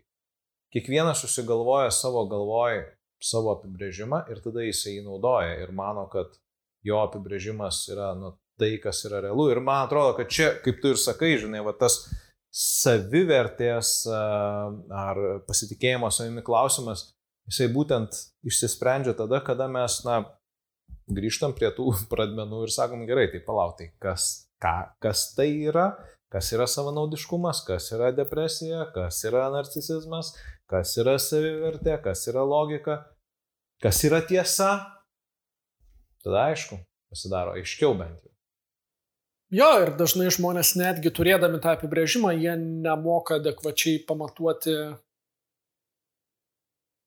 savo situacijos esamos. Mhm. Tai yra, sakykime, jie apsibrėžia tą savanaudiškumą ir jie žiūri ir vis tiek jiems atrodo, kad nu aš esu savanaudis, nes nekeliu to telefono ragelio, kai man skambina tas žmogus. Matai, čia yra gal, gal reikia atskirti tai, kad žmonės e, neretai savo su, suvokimus priima grinai per emocinę prizmę. Kokią emociją kelia tai, kas veiksmas ar, ar, ar tai, kas vyksta apskritai, automatiškai tam priskiriama yra na, kažkokia to logika. Kai iš tikrųjų jeigu taip labai objektyviai, tai, tai būtent kaip ir tu sakai, kaip kokius skalpelių perpėjų atsidarai ir žiūri, kas ten yra. Bet ne, nu, jeigu aš, taip paprastai pasakius, jeigu aš jaučiuosi blogai, tai tai yra blogai, jeigu aš jaučiuosi gerai, tai tai yra gerai. Ir čia daugybė žmonių klumpa, mhm. nes jiems, kaip pats sakai, emocijos pasidaro pagrindiniu gyvenimo varikliu ir jie negeba atsekti, ką tos emocijos reiškia ir ką su jomis daryti, nes gali būti, kad kažkas skauda, bet tai yra, na, chrestomatinis pavyzdys, eini pas stomatologą, tau skauda, bet būna geriau. Dirbi su savo traumom, tau skauda, bet būna geriau.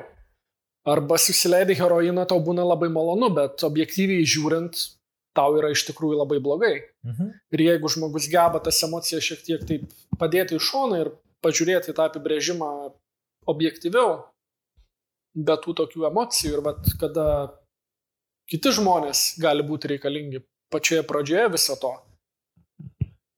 Bet galutinis tas tikslas, man atrodo, turėtų ir aš kalbėjom apie mano kelią, apie tavo kelią, mano didelė mano progreso dalis buvo galvojimas tiesiog, na, aš nežinau, galvojimas skamba labai čia, kad tu sėdi ir galvoji, bet taip ir buvo, na, žmonės, nežinau, tą gali kitaip apibriežti ar pavadinti, nežinau, gilinimasis į filosofiją arba uh, kalbą kaip tokią.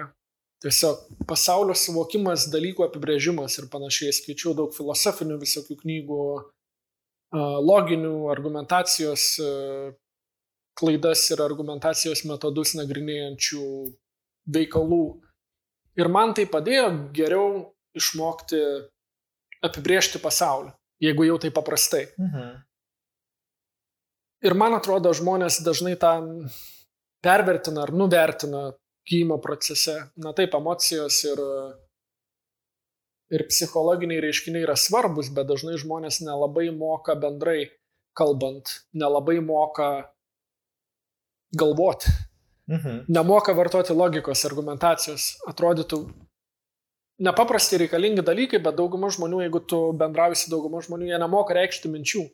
Jie nemoka sudėlioti taisyklingai, ne tai, kad sakinio taisyklinga lietuvių kalba, man atrodo, tai yra niekinis e, reikalas, jeigu tą tu įvertini kontraste su turiniu, kad Taip. tu išreiški mintį struktūruotai, struktūriškai parašyti, nežinau, nu, vat, man reikėjo parašyti knygą Ir mano pagrindinis uždavinys buvo parašyti ją struktūriškai. Tai reiškia, kad tu dėsti mintis, turi būti struktūra kažkokia, tu negali bet kaip, kaip čia tau dėliojasi. Turi pirmas skyrius sėti su antru, antras su trečiu, taip toliau turi tos mintis eiti tam tikrą tvarka, tam tikra jo, turi hierarchija. Kad, kad tu suprastum, apie ką tai yra, nes kitu atveju tai... Taip, nes skaitys žmogus ir ne, nesupras.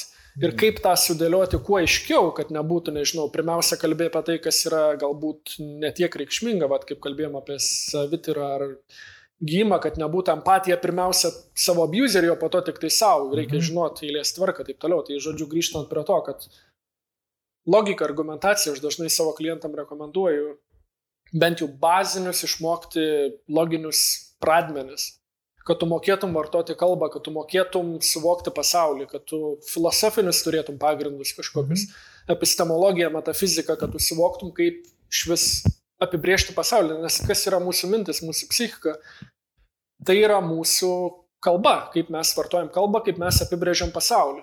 Ir jeigu žmogus to negeba daryti, arba tą daro labai chaotiškai, arba be struktūros, tai ir jo, jo, jo, emocijos, jo visa, visa esybė yra iš tikrųjų ne, nerišli. Mhm. Na, nes um, ir, ir dažnai būna, tarkim, man kalbant su žmonėm, ar ypač ginčiantis, kada jie, tarkim, mes nukeliaujame į tokią vietą, kur iš tikrųjų taip, jo, pritaikai tiesiog natūralią logiką. Ir tada tai kelia, sukelia jam, pavyzdžiui, labai stiprų pyktį, kad, o, nu tai su tavim neina kalbėti, tu visą laiką tais loginiais argumentais čia, tu visą laiką mane suvartai. Ką reiškia suvartai? Nu tai tiesiog, jeigu tu mintis dėstai nelogiškai ir aš randu juose skilių, tai reiškia, kad, na, iš tikrųjų tai, ką tu sakai, nėra logiška. Ir mm, jo, greičiausiai, kad tai nėra tiesa. Čia, žinai, dar, dar, dar labai dažnai žmonės mėgsta, mėgsta sakyti, nėra tiesos. Yra, jo, yra daug tiesų arba yra daug tiesų, kas na, iš esmės jau yra neteisinga. Ar tas teiginys yra tiesa? Taip. Kaip žinot? Čia gal yra svarbu, kad na, žmonėm, matai, jeigu jie bando logiką taikyti savo emociniam pasauliui, tai tada viskas griūva, nes ten neina pritaikyti logikos, nes viena ir ta pati emocija, jinai gali rodyti keletą dalykų. Ir mes, nu, mes klausytojai žinome jau, kad gali būti ir yra daugybė emocijų, kurios nebūtinai žymi kažką teisingo uh mhm. -huh. dabartyje, sakykime.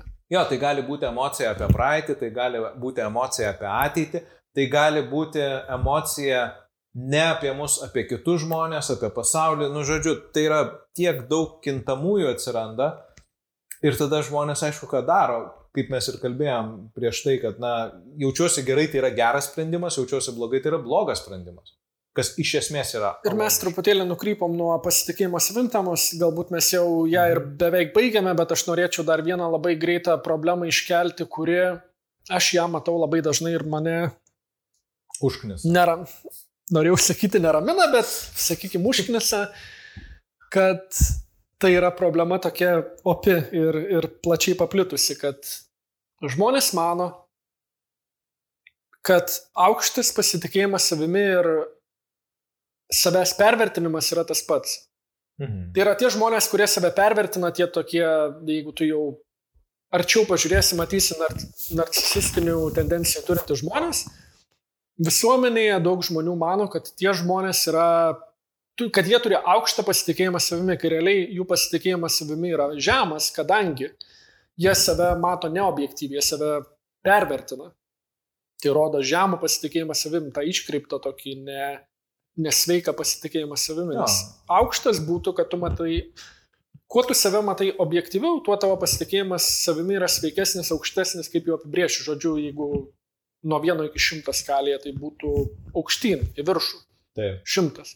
Jeigu tu save pervertini, tai vis tiek žemės. Ja. Bet žmonės mano, kad va, tu už, už, užsidedi kažkokį prabangų kostiumą, turi prabangę mašiną, tu daug žmonių pažįsti, turi daug galios visuomenėje tu engi kitus žmonės, esi vat, stiprus toks ir taip toliau, arba nežinau, vartoji kažkokią kalbą labai šūstrą, arba turi daug diplomų, arba, nežinau, turi daug pinigų, arba esi labai seksualus ir taip toliau. Ir kad visa tai kažkaip rodo, kad tu esi toks labai vertingas ir labai pasitikintas savimi, kai turbūt vos ne visais atvejais tai rodo, kad žmogus nepasitikė iš tikrųjų savimi. Nu, gal ne visais atvejais, bet... Sakiau beveik. Beveik, jo.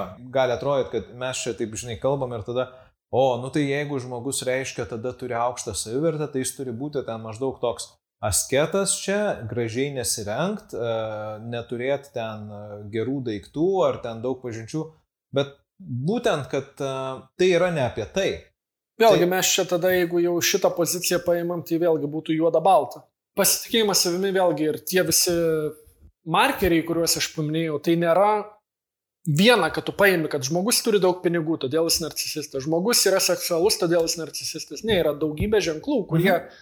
kaip visuma indikuoja, kad tas žmogus galbūt nepasitikė savimi. Tai nėra, kad tu paimi jo. vieną kažkokį markerį ir iš to padarai greitą išvadą, kad jis yra narcisistas. Jo, nes, nu, tai čia grinai toks, vad, klikbaitas dabar, žinai, yra pasidaręs ir, ir, ir kur beje mūsų, nežinau, labai daug visuomenės ir juda, kad viskas bandoma yra, nu, tas jo, redukcionizmas toksai, kuo paprasčiau, kuo, kuo greitesnis pasitenkinimas, kuo aiškiau.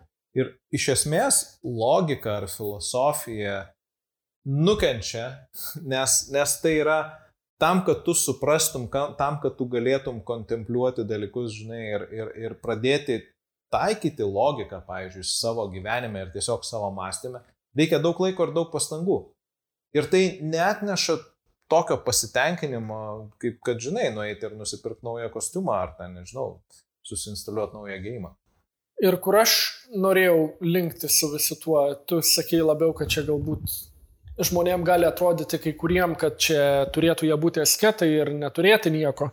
Aš labiau norėjau linkti tai, kad galbūt tu esi pakankamas, galbūt tu turi pakankamai, galbūt tau nereikia laikyti kaip siekiamybės to tokio narcisistinio pavyzdžio, kad aš turiu mhm. būti va toks, jeigu noriu būti sėkmingas ir laimingas gyvenime. Taip. Ir kas dėja būna, kad aš turėjau irgi ne vieną klientą, kurie už mane kai kurie dvigubai vyresni. Turėjo visko gyvenime. Pinigų, kelionių, sekso, mašinų, visko, ko tu gali norėti, jie jau turėjo. Ir sako, aš esu blemba nelaimingas. Ką daryti? Tai aš norėjau žmonėm ne tai, kad perspėti, bet, sakykime, parodyti, kad tu gali sutaupyti laiko, tu tuos kelius rinkdamas, rinkdamasis, kuriuos mes čia paminėjom, tuos tokius tuštybės, gal sakykime, kelius, tu manai, kad tu nueisi prie laimės, kad tu būsi laimingesnis, geresnis žmogus, bet realiai tu nebūsi ir jau yra kitų žmonių, kurie tą yra išbandę, visą tai yra išbandę ir jie yra nelaimingi. Mhm tai galbūt tu pasvarsty, gal yra kitokių kažkokių kelių, kur tu gali iš tikrųjų būti laimingesnis, bet jeigu tu save geriau suprasi, turėsi geresnius santykius su savo artimaisiais, kažką išmoksi, kas tavo pakeis, nežinau, psichiką. Visi tie dalykai tave iš tikrųjų padarys laimingesniu žmogum, jeigu tu sieksi tų visų siekiamybių. Tai reikalauja daug laiko, daug pastangų, daug resursų ir galų gale ar tu nebūsi toj pačioj pozicijoje kaip tie klientai ar kiti žmonės, nebūtinai klientai, kurie visą tai jau turi ir jie yra akivaizdžiai nelaimingi. Mhm. Tau gali atrodyti, kad jie laimingi, bet, na, tu pažiūrėjai tuos turtingus ar populiarius žmonės, tu matai, kad daugybė jų nusižudo. Ne iš laimės greičiausiai. Jo, čia, čia dažnai taip ateinam į tokį kitą klausimą. Tai kas yra laimė? Kas tau yra laimė? Laimė yra, man atrodo, dažnai maišoma su džiaugsmu. Na, angliškai happiness ir joy. Mhm. Happiness arba laimė man yra, vėlgi man, mano subjektivus tai yra apibrėžimas, ar čia yra objektivus kažkoks, aš, aš sakyčiau, kad čia aš tą matau gana objektyviai, bet galbūt yra apibrėžimų, kurie to netitinka, nežinau, neskaičiau žodino šitą temą, bet uh, man laimė yra tokia ilgalaikė būsena, kuri labiau reiškia mano vidinę ar būklę, ar vėlgi būseną, ar mano vidinius išgyvenimus, žodžiu, kas vyksta mano viduje. Tai yra, jeigu aš einu ir susitrenkiu koją į stalą ir jaučiu skausmą, tai nereiškia, kad aš esu nelaimingas. Jeigu aš kaip žmogus jaučiuosi pilnavertiškai pasaulyje, Mhm. aš jaučiuosi ramus bendrai, aš turiu pažįstamų kažkokiu, turiu tikslų gyvenime, kažką veikiu. Žodžiu, esu bendrai laimingas, bet gali pasitaikyti momentų, kuriuose aš esu nelaimingas. Ir tai nebūtinai reiškia, kad tas žmogus yra nelaimingas. Mhm. Kai tuo tarpu joy, tas toks džiaugsmas, man atrodo, labiau reiškia trumpalaikę būseną, kai tu, vad nežinau, žiūri filmą arba klausaisi muzikos arba užsimi seksu, žaidi kompiuterinį žaidimą. Tau yra džiaugsmas kažkoks, bet tai nerodo, kad jeigu tu daug džiaugsmingų akimirkų sudedi viena šalia kitos, kad tu esi laimingas būtinai. Dažnai kaip tik tai rodo, kad žmogus yra nelaimingas ir jis bando kažkokiais tokiais paviršutiniškais būdais užpildyti tą tuštumą, kurią jisai iš tikrųjų jaučia, arba tą skausmą, kurio, su kuriuo jisai nemoka kitaip susitvarkyti. Mm. Tai labiau nesiplečiant, aš šitaip matyčiau laimę ir džiaugsmą ir laimę kaip tokią. Mhm. Jo, nes um, tikrai daug žmonių, jie- netgi savo gyvenimo tikslą išsite, išsikelia. Mano gyvenimo tikslas būti laimingu. Ir aš atsimenu irgi kažkada, kai pradėjau na, domėtis e, psichologija ten pačiais pirmaisiais, ten, žinai, tais metais, kai dar ten skaitydavo tokia pop psichologija kaip ten Robin Sharma ir, žinai, dabar prasme, apskritai aš nieko nesupratau apie tai, bet, o, tai mano gyvenimo tikslas yra būti laimingu. Ir ką tai reiškia? Nu, tai turbūt, kad jo, čia gyvenimo tikslas tada turi. Aš dar atsimenu, kad tu kažkada turėjai ir užsiklyjavę, nu, kaip rekomenduotina užsiklyjuoti, išsispausdinti automobilį ar tą namą kažkokį, žodžiu, ant šaldytuvo ar kažkur matomai vietoj, no, kažkokį reiškinį, kad ką tu jau čia nori pasiekti, kažkokį tikslą. Jo, jo, jo, ten vizualizuoti. Tai nereiškia, kad tikslų vizualizavimas negali padėti, bet klausimas, ar tai suteikia laimės. Nes dažniausiai laimės tai, na, žinai, tai man tarkime, jeigu, jeigu taip, žinai, aš tavęs paklausiu ir dabar pagalvoju, kas man yra laimė, um, tai yra, ne, turbūt geras ryšys su savim ir geras ryšys su žmonėm, kurie man yra svarbus. Ir darimas kažko mano gyvenime, kame aš matau prasme. Ir jo, kartais, kartais man, kartais aš aišku darau tai, kas neturi prasmės. Nežinau, tarkim, vad gamino, ne? E, Tai man suteikia džiaugsmo, ar tai prisideda prie mano bendro, bendro, bendros laimės būsenos, taip, nes aš darau tai, ką noriu, bet tai nereiškia, kad vien tik tai gamindamas aš, nežinau, visą savo gyvenimą paversiu fantastiniu buvimu.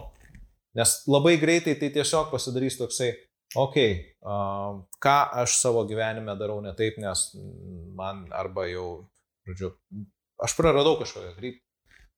Būna taip. Tu man priminai šituo, šituo pasidalinimu, kad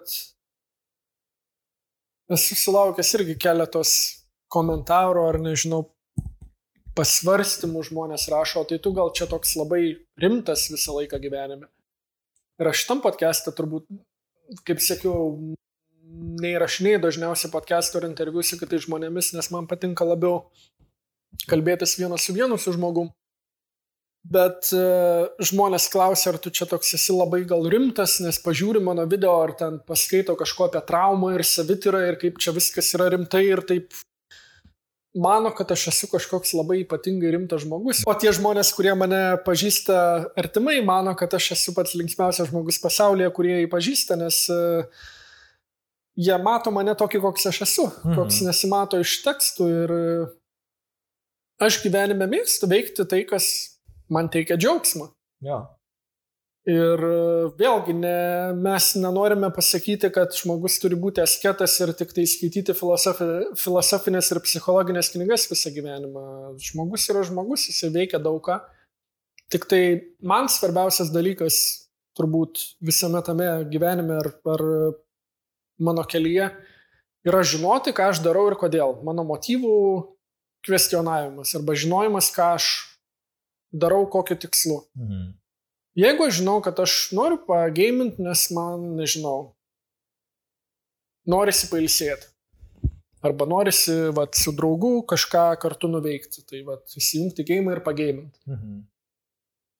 Ja, šiaip... Man tai mhm. neša, man tai teikia džiaugsmą ir aš noriu tą veikti ir man atrodo, kad tai nėra kažkaip blogai. Ja, aš pritariu tavo nuomonį, kad, kad e, jeigu kalbi rimtom temom, tada žmonės labai tave priima kaip tokį labai rimtą žmogų ir, ir, ir žinai, tada galvo, o jo, tai čia taip. Bet, jo, mes taip truputį į gėjimus nukrypom ir tu esi gameris toks rimtas, aš e, esu matęs, kaip tu gamini ir aš Jeigu man reikia kažkokio patarimo, aš pastebėsiu. Šiomis dienomis gal ne tiek, bet sakykime. Jo, bet um, jo, ką tu apskritai galvoji apie, apie kompiuterinius žaidimus ir apie psichikos veikatą? Vat, kaip tai tie du dalykai koreliuoja arba koreliuoja priešingai? Arba gal iš viso nekoreliuoja? Tai koreliacija viskame, man atrodo, yra. Mhm. Tik Na, ta prasme, psichinėje sveikatoje ir bet ką, ką tu darai, yra kažkokia koreliacija. Ar tai yra reikšminga koreliacija, kitas klausimas. Bet manau, tu klausi dėl to, nes e, dažnai medijoje matome tokių vilifizacijų, kad, e, ar nežinau, demonizacijų, kaip čia aiškiau pasakyti, kad kompiuteriniai žaidimai yra blogis ir kad jie, nežinau, netgi teigia kai kurie rašytojai, kad e, skatina agresiją ir taip toliau. Ir mm -hmm. jo, man yra žinoma, kad tai yra visiška nesąmonė. Ir tie žmonės, kurie yra agresyvūs, jie tiesiog kai kurie mėgsta gaiminti. Kai kurie mėgsta gaiminti agresyvius žaidimus, kai kurie, kurie nėra agresyvūs, mėgsta gaiminti agresyvius žaidimus ir tai nereiškia, kad jie yra realiame gyvenime agresyvūs. Mhm. Arba tie žmonės, kurie yra agresyvūs, kad jie, jeigu gamina neagresyvius žaidimus, kad jie nėra agresyvūs vien dėl to. Tai koreliacija ir e, priežastingumas dažnai būna sumišę dalykai arba neteisingai padaromos išvados iš to. Uh, žaidimai kompiuteriniai, man atrodo, yra pirmiausia, vėlgi, kai kurie žmonės ginčiasi dėl to, bet man atrodo, yra meno forma. Kai kurie sako, kad ne, bet man atrodo, tiek muzikinė prasme, tiek vizualizacinė prasme tai yra menas. Mhm. Ir e, kaip tu gali mėgti žiūrėti filmą, gali mėgti skaityti knygą, klausytis muzikos, tu gali mėgti kompiuterinius žaidimus kaip meno formą. Plus prie viso to tai yra meno forma, kuri yra vienintelė leidžianti tau įsitraukti į tą meno formą ir būti aktyviu dalyviu. Jeigu tu skaitai knygą, tu gali įsivaizduoti, kad, sakykime, tu esi tame pasaulyje, bet tu realiai, na, na tu tai savo fantazijoje. Mhm. Bet jeigu tu žaidži kompiuterinį žaidimą, tu pats gali valdyti tą veikėją ir tavo veiksmai turi kažkokių pasiekmių. Mhm. Jo, ypač jeigu mes kalbam apie kažkokius ten open, world žaidimus, kur, kur, nu, kur nėra linijinė istorija, bet, bet jo, tu, jeigu tu vieną padarai, tai tada išsivinioja visai kitas scenarius. Jeigu... Taip, ir aš visiškai pritariu tau, kad tai yra meno forma, nes um, žinai, šio laikiniai apskritai, šio laikinių žaidimų biudžetai, tų didžiųjų, nu, kartais yra tokie. Milijardai. Milijardai, tai yra kaip filmų, kaip kino filmų. Ir tada, aišku, na, kino filmą pastatyti, aišku, reikia, reikia pastangų, aš e, šiek tiek, na, nežinau, man patinka, man patinka kinas ir aš šiek tiek esu pasidomėjęs tą kino industriją, nes taip kainuoja visas tos ir lokacijos, ir žmonės, kurie ten būna, na, kino industrija apskritai ryja didžiulius pinigus. Bet kodėl žaidimų industrija ryja, ne, nes iš esmės reikia to paties. Tik tai aišku, kartais tos lokacijos yra nupiešiamos, bet tada tau reikia žmonių, kurie tai sukuria, žmonių, kurie sukuria tuos visus personažus, sukuria dialogus, sukuria muziką. Ir tai yra, visa tai yra interaktyvu, tu su visu tuo kas yra, nežinau, man iki šiol suka smegenis, kad tu, pavyzdžiui, jeigu tu turi, nu, savo, tarkime, kokį nors ten tą valdiklį, tą joystick, ne, ne joystick dabar, ten, nu, nežinau, kaip, kaip lietuviškai. Valdymo pultą. Pultą, valdymo pultą, va. E, žodžiu, tu ten stumdindamas rankenėlės ir spaudidamas mygtukus, tu gali daryti daugybę dalykų. Ir kas dar yra. Neįtikėtinas stebuklas. Jo, neįtikėtina. Šiaip tai tai yra neįtikėtina. Ir žmonės sėda ir tiesiog, va, nežinau, spaudydami klaviatūrą padaro visą tai, kad tai realizuotųsi. Vėlgi, samdomi programuotojai, samdomi rašytojai, samdomi kompozitoriai. Mhm. Yra didžiulė industrija. Taip, taip. Apimanti kitas meno rušis. Jo, grafika, ta pati, tas pats rašymas, tai yra muzika. Yra ne vienas, ne vienas žaidimas, kurio tas muzikinis takelis iš tikrųjų yra, na, aš esu, kažkada dar atsimenu, dar, dar buvo mm, kompaktai, aš esu turėjęs kompaktą grinai žaidimo muzikinio takelio viso. Taip. Jo, tai, tai iš tikrųjų kažkas tai tokio ir kaip ir kiekvienas menas jisai gali daryti, nežinau, vienokį arba kitokį poveikį žmonėms. Ir vėlgi, man atrodo, priklauso nuo žmogaus, kaip kalbėjom, agresyvus žmogus, neagresyvus žmogus, toks, koks yra žmogus, tas žmogus saveikauja su, tuo, su tą meno forma. Mhm. Jeigu tu esi vienišas, gali tau padėti žaidimai jaustis mažiau vienišu. Tai nereiškia, kad tu būsi mažiau vienišas, bet šiais laikais gali išvis žaisti su kitais žmonėmis iš kito pasaulio krašto online. Jo. Aš beje šitą online žaidimą aš tik dabar pradedu kažkaip adaptuoti savo, nes um, anksčiau tai aš buvau, aš visą laiką buvau toksai single playeris, kur ten sėdė ir vienas. Tai aš irgi. Ten, jo, žaidžia, bet aš dabar um, žaisdamas, nežinau, kažkaip tai vienu momentu ten pradėjau taip po truputėlį atsiliepinėti į tos, reiškia, iškvietimus, na, tokia, mm -hmm. reiškia, nu, Division 2. Žinau, kad tai. Ir, jo, ir, ir, ir, žinai, jo, iš tikrųjų, tu eini ten kažką padedi, kartu ten kažkokią misiją įvykdai ir taip, opa, geras. Ir tu net nežinai to žmogaus, bet jis turi savo avatarą, jis kažkaip yra apsirengęs tenai, jis turi savo atvaizdą kažkaip ir taip. Man tai iš tikrųjų yra vat, smalsu, vat, kaip atrodo tie žmonės, kurie sėdi vat, kitoj, kitoj to ekrano pusėje. Ir aš atsimenu, kai kažkada labai labai seniai uh, buvo Travianas uh, toks žaidimas ir... Uh, aš labai ten nežaidžiau jo, bet pamenu, kad buvo. Jo, tai Keldavosi ten... žmonės trečią naktį taip, su žadintuvais. Išsiųsti ten, grūdus taip. arba ten uh, išsiųsti ataką, reiškia karius, kad ten, žodžiu, viskas tiksliai suveiktų. Ir, ir aš atsimenu, kad mūsų, mūsų klanas ten mes laimėjom ir mes turėjom susitikimą su žmonėm Ir kaip aš nustebau, kad tai yra tokie, žinai, pusamžiai žmonės, kurie dirba darbus, lygiai taip pat kaip aš, jie turi vaikų, kai kas, žinai, tai yra normalų žmonės, kurie tą daro.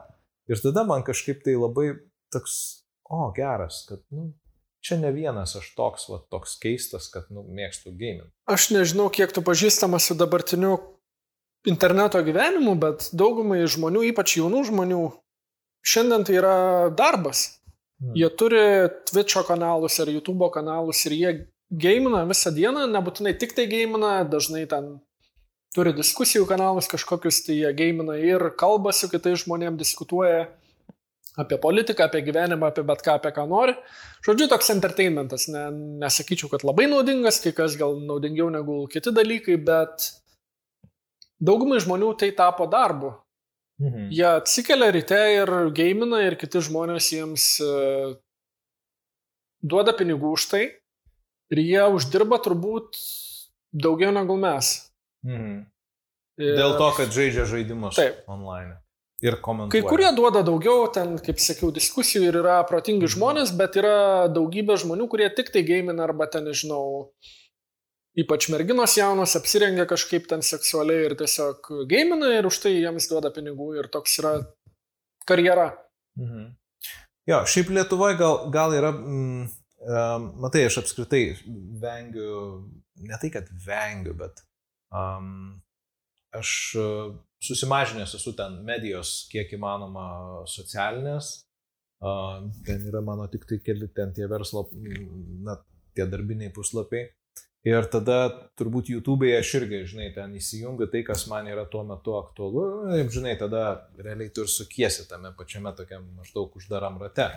Bet aš taip įsivaizduoju, kad, kad jo, tikrai, tikrai savotiškai tau netgi nereikia žaisti. Tu matai, kaip kažkas žaidžia, žaidžia gerai, dar įdomiai komentuoja ir tai yra atskira meno forma irgi.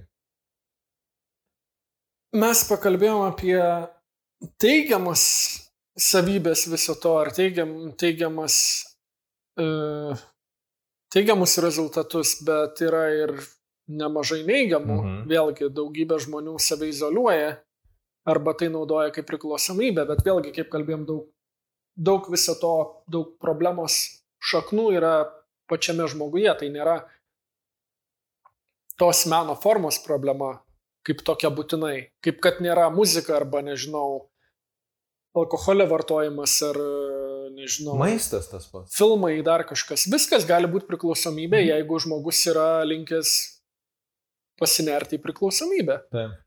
Jeigu žmogus moka tai vartoti saikingai, tai yra kaip ir bet kas kitas, gali būti labai naudinga žmogui arba kažkiek naudinga arba neutralu.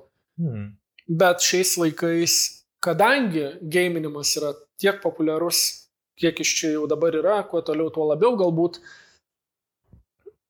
žmonės, kurie mėgsta kitus išnaudoti arba pelnytis iš kitų žmonių, taip pat tą naudoja kaip priemonė tai žmonėm, tais gameriais pasinaudoti. Tai yra daugybė žmonių yra jauni, dažniausiai baltodžiai vaikinai ir jie dažniausiai jaučiasi nuskriausti arba vieniši ir negali susirasti merginos arba niekada neturėjo sekso ir jiems, žodžiu, gyvenimas yra betikslis jie galbūt gyvena su mama kažkur tenai savo namuose ir jiems yra liūdna ir nieko jie neturi, bet tuo pačiu jie turi kažkokių tokių galbūt narcisistinių tendencijų, kad jie mano, kad jiems daug kas priklauso ir kad jie, mhm. tai yra kažkokia tarsi konspiracija prieš juos ir pasaulis yra visa visuomenė tarsi prieš juos. Ir tada kiti žmonės, kurie ateina į tą aplinką, jie savo žinutę suformuluoja taip, kad pasiektų tuos, tuos vargšus jaunus žmonės. Mhm ir juos radikalizuotų.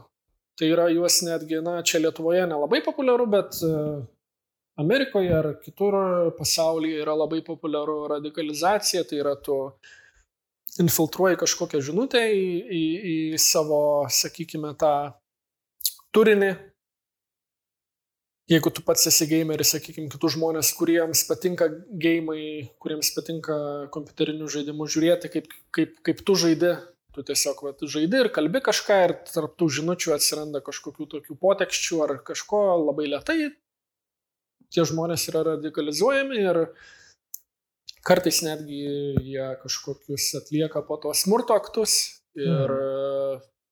tai, man atrodo, yra vienas iš, iš tokių tamsių gėminimo pusių. Aš pats nelabai tuo, kadangi užsimu nelabai, šiaip esu paveikus visokiom įtaigom šiais laikais, šiomis savo gyvenimo dienomis, tai manęs tai asmeniškai neliečia, bet mačiau daugybę atvejų, na, netiesiogiai, bet tiesiog stebėdama žmonės internete, kaip jie kuo toliau, tuo daugiau prisima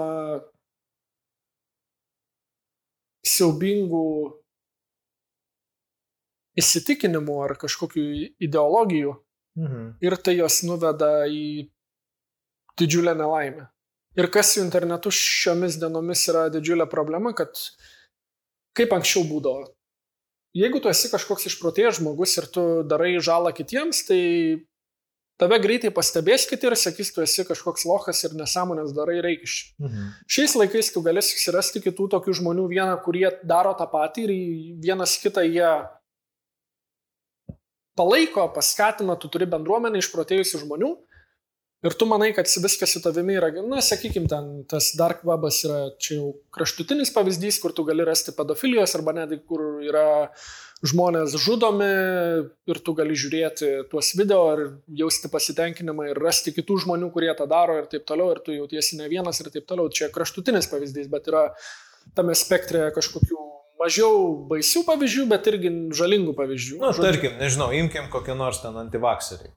Nu, kokį jo, šiaip tai, šiaip tai, tai aš manau, kad na, čia tokia vat, galbūt problema, su kuria mes, nes radikalizacija iš tikrųjų, mes esam su tavim, žinai, ne, kalbėję ir Amerikoje, vakaruose tai yra ryškiai, pas mus nėra taip ryškiai, bet gali būti, kad bus. Bet tarkime, vat, antivakcinacija, antivakseriai yra Lietuvoje, ir jie egzistuoja ir jų dėka mes jau turime akivaizdžių atvejų, kada iš tikrųjų plinta būtent tos lygos, kurios buvo išspręstas jų klausimas, nežinau, prieš 20 metų. Tai va, su gėjimais ten apie, antivak... apie antivakcinizaciją nelabai kalbama, bet yra irgi, žodžiu, tikslas yra kuo daugiau mhm. Tokių kardinalių kažkokių radikalių įsitikinimų tau įteikti, kad tu kuo labiau tikėsi neracionaliom idėjom, tuo labiau tu būsi paveikus joms ir galėsiu aš tave įtikinti, tas va toks blogas žmogus, e, kad tie dalykai, kuriuos aš sakau, yra teisingi, nes kuo neracionalesnis tu esi, tuo aš galiu lengviau tave įtikinti. Jo, gal aš čia, žinai, čia ir... gal ne tiek, aš atsiprašau, kad pertraukiu, bet čia gal ne tiek apie gėjimus, Bet čia apskritai apie socialinius taip, tinklus, taip. nes būtent streaminimas uh, yra, jis įmanomas yra todėl, kad yra socialiniai tinklai. Jeigu ne, niekas ne, nėra, neieškotų, nedarytų, o kaip ten pažiūrėti, kaip kas nors gamina. Nu ne, niekam neįdomu. Bet iš esmės kitų žmonių gyvenimas ir kitų žmonių buvimas mums pasidarė prieinamas, todėl kad mes Jo, yra Facebookas, yra Instagramas ir, ir yra normalu dėti, supranti, ką tu ten valgy pusryčiam ar, ar kaip tu ten dantis valais iš ryto. Ir žiūrėk, kas iš to matyti, ką tu pasakai, kad e, nežinau, ar lietuviai jau vartoja tokią savoką, bet angliškai yra parasocialiniai santykiai. Tai yra, kad yra socialinė kažkokia medija ir joje yra kažkokios asmenybės na, sakykime, streameris, ar ten youtuberis, ar kažkoks vat, populiarus podcasteris. Ir mhm. tie klausytojai, jie realiai tai neturi santykios. Na, jie turi santykius su to žmogu, bet netiesiogiai, bet tas žmogus su jais neturi jokio santykio. Tai vad parasocialų santykiai. Mhm. Tas žmogus gali net nežinot, kad tu klausytojas egzistuoja iš vis kaip toks, bet mhm. tam klausytojui ar tam žiūrėtojui tie santykiai yra labai tikri ir jie yra labai reikšmingi. No. Ir e, daugybė žmonių dėl to yra tiek paveikus tiem visiems influenceriam, kaip sakai, nes jie tuos santykius idealizuoja, jiems tie santykiai yra tikri. Ir tie žmonės e, tose jėgos galios pozicijose turi iš tikrųjų daug įtakos. Mhm. Ir ypač, ypač jeigu tie klausytojai yra labai vieniši ir būtent. ypač neturi kažkokio loginio pagrindo. Jo, ir, ir, žinai, čia ir susiveda, kad, žinai, jeigu tu esi nelaimingas, tai reiškia, kad tu vietoj, vietoj iš tikrųjų to tokio tikro laimės jausmo, tu ieškai labiau kažkokiu tai džiugesių ir tokio greito pasitenkinimo. Tu, žinai, na, neturi santykio sveiko su, nežinau, su aplinka, su žmonėm Tai tu tada ieškai kažko, kas tau iš tikrųjų tą santykį atstotų. Tai realiai tas. Ir aišku, aišku tada ir, ir tai, kaip yra suformuojamos tos žinutės ir kaip yra veikiami žmonės, na tai irgi yra atskiras, nežinau, mokslas ar menas, kaip tą padaryti. Nes, nu, influenceriai nėra taip, kad, o, aš ten, žinai, sugalvojau čia, nežinau, kažkokį tai uh, dabar e, pareklamuoti per savo ten kanalą kažką tai ir dabar visi pirks. Ne, ta žinutė turi būti tinkamai pateikta ir tada jinai žymiai didesnį turi tą vadinamą hitreitą, negu kad aš tai padaryčiau kitaip. Ir tai ir tam yra algoritmai, ir tam yra visas atskiras, nu sakykime, dabar jau mokslas, kaip tą daryti. Tai jau žinai, kai mes visą tą sudedam, tokį silpną asmenybę, kuri iš tikrųjų yra vieniša, pasimetusi, ir kada mes visą tą turim technologiją, kur tu uh, Na, iš tikrųjų, žmonės yra prisiklijavę prie savo telefonų. Nuolat. Ir, ir kas ten yra, iš esmės tai yra socialiniai tinklai ir komunikacija. Ir jeigu tu, žinai, nuolat ten kažkur tai sėdi ir tavo dėmesys yra ten, tu, tai reiškia, nėra dėmesio į save, nu, turim tokį sprokstamą į mišinį. Ir tada jeigu kas nors nori pasinaudoti, tai labai lengva. Ir vėlgi sistema kaip tokia teoriškai būtų kaip ir nieko, na, mes esame influenceriai, tam, tam tikrą prasme, mes esame asmenybės, kurios turi, kuria turinį ir kiti žmonės jį absorbuoja, jį klausosi, vartoja. Bet tai nereiškia, kad visi influenceriai yra blogi, bet... Ne, tai aš apskritai yra... nes, nesakau, kad jo. Ne, ne, aš nesakau, kad tu sakai. Mhm. Bet e, gali klausytojai pasirodyti, kad čia influenceriai būtinai blogai, bet problema yra tame, kad daugybė yra iš tikrųjų nelabai gerų. Ir kad kadangi nėra jokio apribojimo praktiškai, na kažkiek yra kažkur kažkaip, bet realiai tu gali ten, nežinau, kalbėti apie nacizmą ir žmonės tave gali palaikyti ir nieks tavęs ne, neblokuos, nebent mhm. jau būsi tiek tam prisidirbęs, kad jau nebus kur dėtis niekam ir tada jau iš tikrųjų. Bet jeigu turi, tu turi YouTube kanalą, bet gali apie anti, antivaksę kalbėti ir visiems ten klausantiems nebus kažkokių problemų gauti tavo žinutę, jeigu jie norės. Ir niekas tavęs neblokuos už tai. Ir aš pats esu iš medikų šeimos, kaip tu žinai. Ir klausiau kažkada mamos, mano mama yra gydytoja. Sakau, kaip, kaip tavo apylinkė, ar daug antivakserių yra, nes kažkaip internete iš tikrųjų plinta ta problema. Tu čia ją iškėlė, ji nėra pati didžiausia problema, bet tiesiog mes norėjom iškelti pavyzdį kaip kažkokio nelogiško, neracionalaus pavyzdžio, bet žodžiu, nu, aš klausiu mamos, kaip, mhm. kaip čia yra šiais laikais, nu sako, iš tikrųjų yra daugiau tų žmonių, sako, kaip čia dabar taip, kad tos problemos, kaip tu sakai, kurias jau sprendė, buvo žmonės protingi prieš daugybę metų, jos grįžta atgal vėl, kas, kas čia per nesąmonė. Ir sakau, tai ką tu darai, kaip, kaip, kaip iš vis čia prieš, tai, prieš tą kovot. Sako, na, nelabai pakovosi, jeigu žmonės yra visiškai atitrūkę nuo realybės ir neklauso gydytojų ir mano, kad čia kažkokia yra konspiracija prieš tave, nelabai ką padarysi, o tiem žmonėm, kurie yra kažkiek dar bent truputėlį turi ryšį su realybė, na, tai jiem kažkaip sako dažniausiai arba pateikia argumentų, arba tiesiog jos apylinkiai buvo beje jauna mergina, gal netgi nepilnametė, nepamenu dabar, gal netgi vaikas kuri nepasiskėpijusi mirė ir yra tokių pavyzdžių ne vienas ir mano mama tą pavyzdį dabar tiesiog pateikė kaip tokį kaip empirišką pavyzdį, kad, na, taip nutiko žmogui, ar čia tu kažkaip ką apie tai manai, ar čia iš tikrųjų tu taip nori, kad tavo vaikui tokia rizika būtų. Ne tai, kad čia tavo vaikas mirs, bet, žodžiu, yra reali rizika, kad gali taip įvykti. Kam, kam savo vaiką statyti tokią poziciją, kad, nežinau, grėstų jam mirtis, jeigu tu gali labai lengvai jį apsaugot nuo to. Ja, ir, ir iš esmės tai labai neretai tai yra tiesiog toks na, turėjimas. Na, tai yra vardant kažkokių tai įsitikinimų, kurie na, pagrysti yra kažkieno tai nuomonė. O tokia grinai suformuota, na, žinai, įimu tokių prieš srovę. Aš prieš srovę varau ir aš tada, žinai, čia darysiu, nes, nes visi susimokė prieš mane. Bet vėlgi daug to yra, kad Tiesiog daug žmonių apie tai kalba. Ir kadangi daug žmonių apie tai kalba, tai greičiausiai yra tiesa. Žmonės net netikrina, negalvoja, vėlgi neturi loginio kažkokio pagrindo, kaip atskirti, kas yra tiesa apskritai pasaulyje.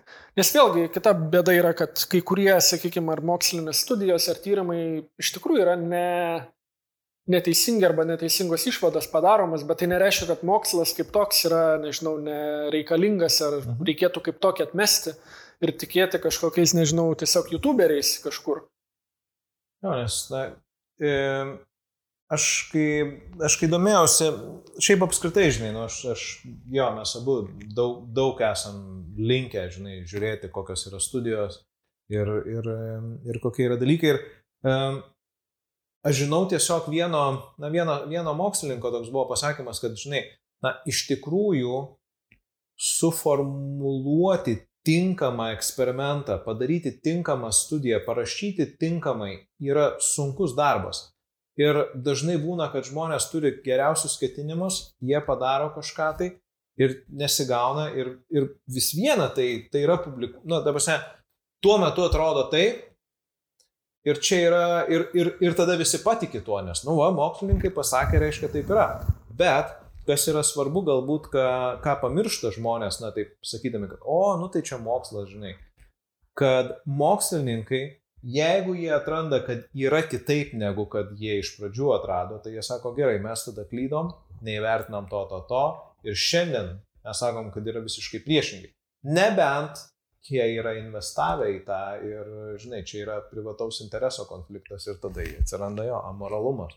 Ir ta klaida, kurią tu paminėjai, yra čia geriausių klaidos atveju, bet yra daugybė ir tokių, kad tiesiog na, gauna finansavimą iš tam tikrų interesų grupių ir tiesiog publikuoja tas studijas, kurios yra naudingos tom interesų grupėm.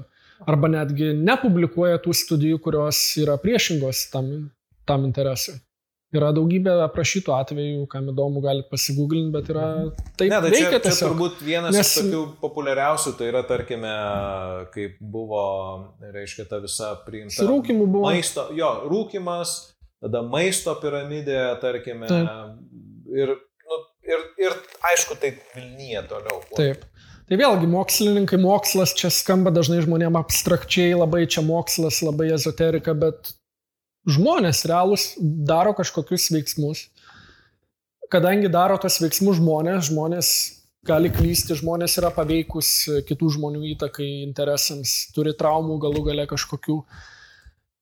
Reiktų labai kritiškai vertinti, bet netapti kažkokiu, nežinau, konspiracininku ir, nežinau, įsivaizduoti, kad kažkur mes čia gyvenam demonų pasaulyje tarp e, kažkokiu ten, nežinau, dreža žmogių. Ok, tai šitoje vietoje mes vėl persitraukiam, e, truputėlį einam paklausyti reklamos ir po reklamos grįšim ir pratesim. Iki.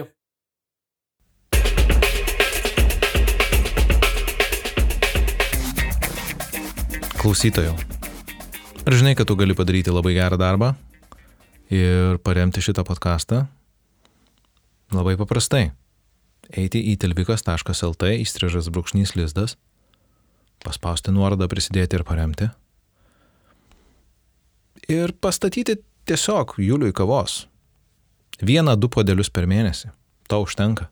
To užtenka, kad tas podcastas gyvuotų. Aš tu būsiu labai dėkingas klausytojų arba klausytoja arba klausytojai. Ir podkastas gyvuos toliau ir vyks ir darysis viskas ok. Taigi, tilvikas.lt įstrižas brūkšnys lizdas, prisidėti ir paremti, tavo keli eurai per mėnesį bus nuostabus dalykas. Jeigu tu to negali padaryti, gali padaryti tiesiog paspausdamas like, share, subscribe toj platformai, kurioje tu klausai. Ačiū tau. Mes e, tęsiam, su manim yra mm, mano geras draugas e, Darius Cikanavičius ir su juo mes kalbam apie, o apie ką mes čia ir kalbam. Apie ir, gyvenimą. Apie gyvenimą ir dalykus, ir apie psichologiją daug pakalbėjom, ir apie gėjimus, ir apie antivakserius, drežažmogus, šičiu. Jo, daug, daug vis dėlto dalykų, kurie Ir viskas siejasi vis tiek apie, apie mus, apie psichologiją, apie tai, kas mūsų gyvenime, nu, nežinau, gyvenime, mūsų viduje vyksta. Nes iš esmės tai, tai pagalvojus, tai mes viską patiriam per savo galvą, per savo smegenį. Taip, tai, ką mes savotiškai tas vis dėlto matricos principas, jeigu tai pagalvojus, taip ir yra. Kad tai, kaip mes matom pasaulį, taip, tai yra pasaulį, kokį mes matom, jis yra grinai subjektivus mūsų viduje uh, suvokiamas. Ir todėl kitų žmonių sugalvotos sistemos, kurias mes galime patikrinti, nepriklausomai nuo tų žmonių ir atkartoti, kas yra mokslinis principas, padeda mums suprasti, kas yra tikra, kas ne. Tai vėlgi tikslas turėtų būti, kaip ir kalbėjome apie pasitikėjimą savimi, kaip vertinti save, kaip vertinti pasaulį, tai vėlgi stengtis kuo objektyviau. Tikrinti savo įsitikinimus, tikrinti, kaip mes matome tą pasaulį. Ir kuo objektyvesnis yra mūsų to pasaulio matymas, tuo mes turime glaudesnį ryšį su realybė, kas reiškia, tuo mūsų įsitikinimai, tuo mūsų pasaulyje žiūra yra sveikesnė. Aš manau, kad e, tiek mano klausytojam, tiek dabar ir tavo klausytojam, e, gali kilti klausimas. Tai kaip išsigydyti iš tų vaikystės traumų, kaip geriau suprasti save tame pasaulyje? Ką reikia daryti? Žinai, ne, ne, konkrečius, nežinau, galbūt priemonių kažkokį sąrašą tu turi, galbūt kažką tai gali rekomenduoti, resursus kažkokius. Resursų yra mano puslapyje, kai Kažkiek, kai ką esu aprašęs plačiau, kai ką netiek, bet šiaip norėjau kaip tik įrašyti temą video, ne visiškai tą temą gal, bet e, peršasi man atsakymas iš tavo klausimo, tiesiog kokios disciplinos, gal netgi sakyčiau, labiau padėtų būti sveikesniu, laimingesniu žmogum. Mhm. Ir galbūt apie tai labiau galėtume pakalbėti pirmiausia arba po to, nežinau, bet jeigu tu konkrečių ieškai įrankių, ar ne tai, kad tu ieškai, bet norėtum klausytojams pateikti, tai yra keletas dalykų, ką gali žmogus padaryti. Tai pirmiausia, labai padeda rašymas, žurnalo rašymas arba įrašymas garsų žodžiu savo minčių, kažkoks apdorojimas, jų iškelimas iš savo pasąmonės, iš savo psichikos, iš savo netgi sąmonės į išorę, kažkokiu pavydalu, kad tau būtų aiškiau, kas ten tavo galvoje vyksta. Mhm. Tai apsirašymas, ką tu galvoji, kaip tu mastai, ta pati savivertė tu gali apsirašyti, kaip tu jautiesi savo atžvilgiu, kaip tu jautiesi kitų atžvilgių ir kaip yra iš tikrųjų. Aš ką darydavau dažnai žurnalindamas, tai jeigu aš turiu kažkokią problemą, dažnai tai yra emocinė kažkokia problema, kažkokia situacija sukelia kažkokių emocijų, ką aš padarydavau, tai apsirašydavau, kaip aš jaučiuosi, ką aš galvoju Ir tada paraleliai arba žemiau užsirašydavau, kaip yra iš tikrųjų, objektyviai, jeigu aš pažiūrėčiau, atsistočiau žingsnį atgal truputėlį, iš toliau pažiūrėčiau, tai tokiam blaivesniem akim, kaip aš visą tą situaciją matyčiau. Ir tada palyginu, kaip yra iš tikrųjų ir kaip aš jaučiuosi ir bandau kažkaip išspręsti tai, kas tenai yra negerai. Dažniausiai mm, man, nedara. manyje, taip, nedara realybės su mano vidumi. Tada, žinoma, specialistas geras padėtų. Bėda ta, kad nelabai yra daug gerų specialistų, kaip jau turbūt tu žinai irgi. Ir kaip klausytojai tavo turbūt įsitikino irgi, kai kurie bent jau. Bet jeigu žmogus turi gerą specialistą, tai gali būti neįkainojamas įrankis jo kelyje, nes vėlgi kartais trūksta išorė, iš išorės to objektivaus tokio pastebėjimo, kartais trūksta tiesiog kažkokio žmogaus, su kuriuo tu gali būti ir jaustis saugiai ir tu žinai, kad tu tam žmogui rūpi ir jo interesas yra tau padėti būti laimingesniam ir jausti mažiau skausmo. Mhm. Žinoma, yra tas piniginis, piniginė atsvara, kuri yra, sakyčiau, reikalinga, nes be to tai santykiai būtų neligiai verčiai arba santykiai būtų nesveiki, sakykime taip gal. Ir kartai žmonės klausia, kaip čia su tuo terapiniu santykiu, kodėl aš negaliu tiesiog su draugu ar mama pasikalbėti ir mm, man tiesiog reikia pasikalbėti, bet ne, neįmanoma išspręsti savo traumų. Viena toje aplinkoje, kurioje tos traumos kilė, o antra tie santykiai yra kitokie, nes tu vis tiek, mes esam draugai, bet mes nesam vienas kitam terapeutų. Mhm. Ir nėra mūsų tikslas jais būti.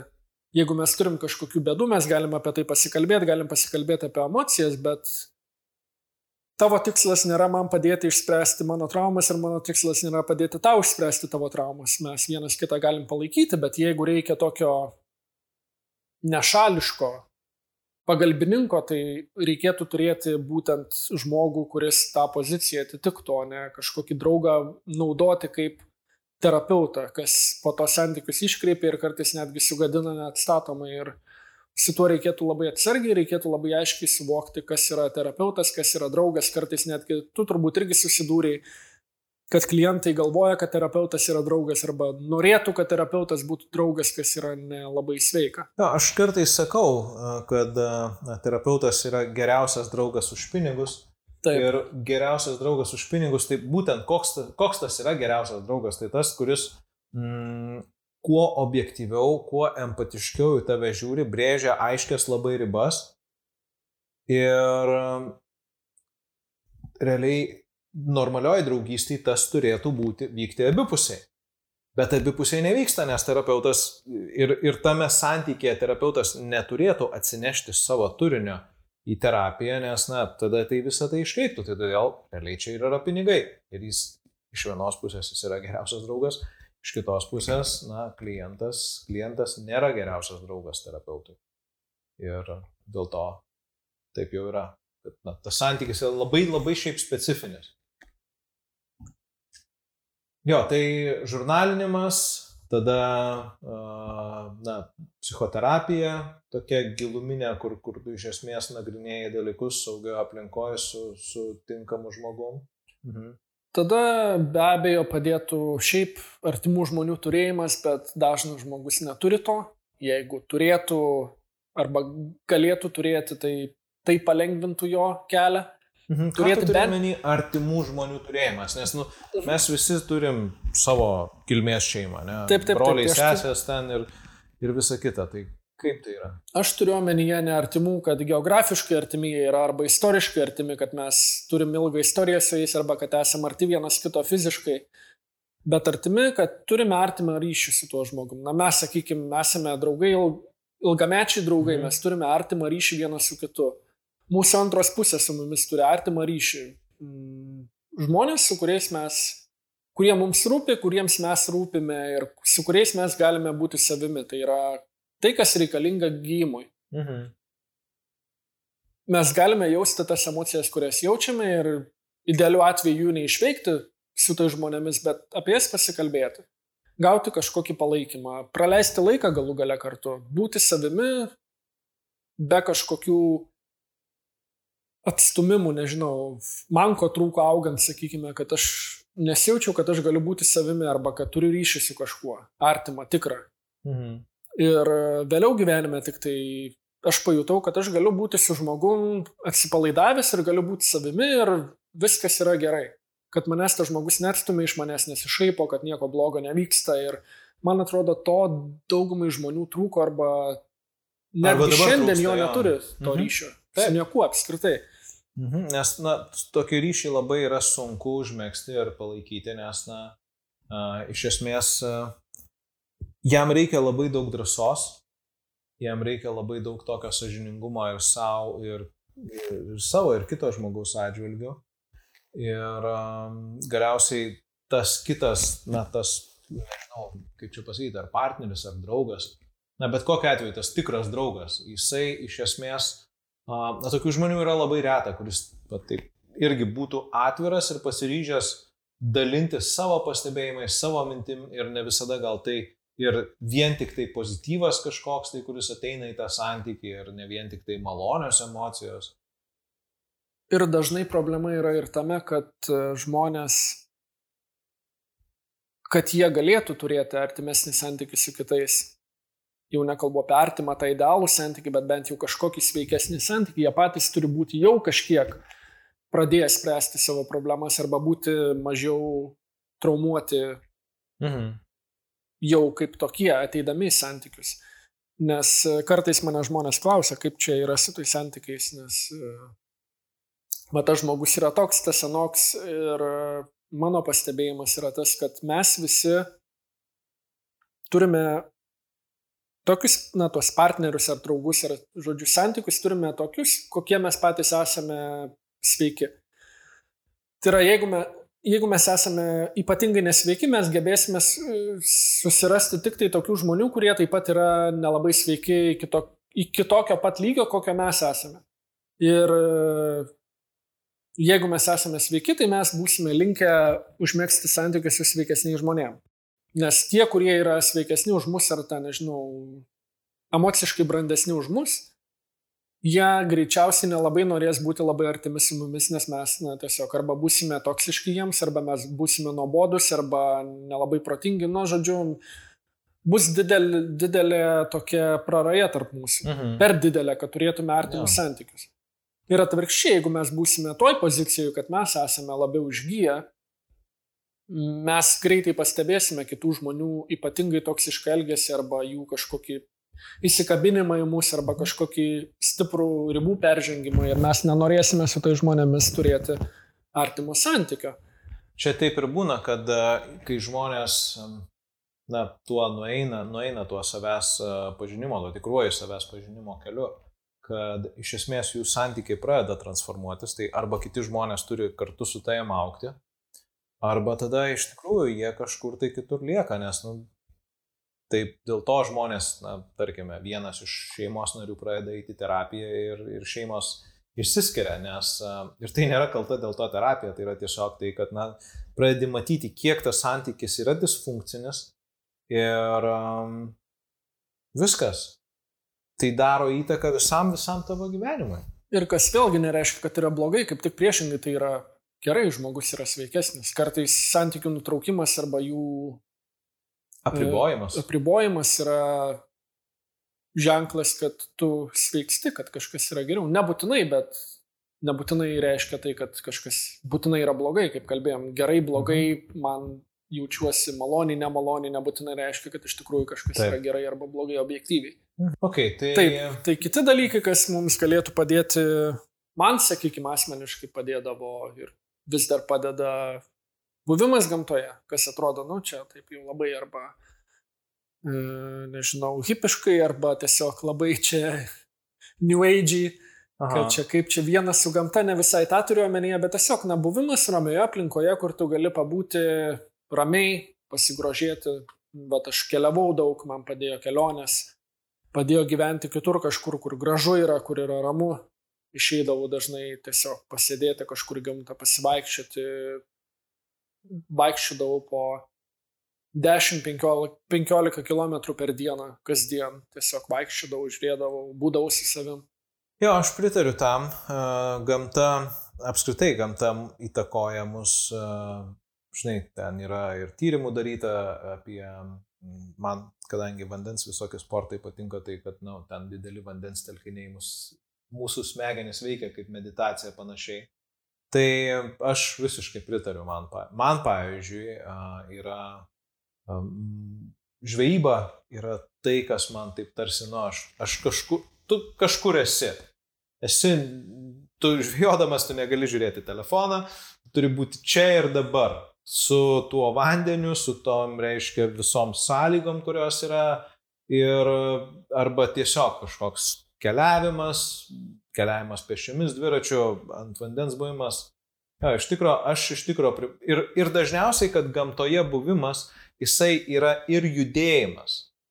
Tai nėra vien tik tai, kad tave nuvežė, žinai, ten padėjo į mišką ir tu ten pupsai kaip koks grybas, bet, na, iš tikrųjų, reikia, tu gamtoj turi kažką tai daryti, arba eiti, arba ten, nežinau, jeigu tu nori laužą susikurti, tu turi susirasti medžių, žinai, ten susikapoti tas malkas, jeigu tu žvejoji, tai tu kažką tai irgi aktyviai darai, jeigu tu kažkur keliauji, nežinau, ar ten, bet kas, bet koks, jie išėjimas į gamtą jau yra judesys, kas mano nuomonė yra irgi gerai.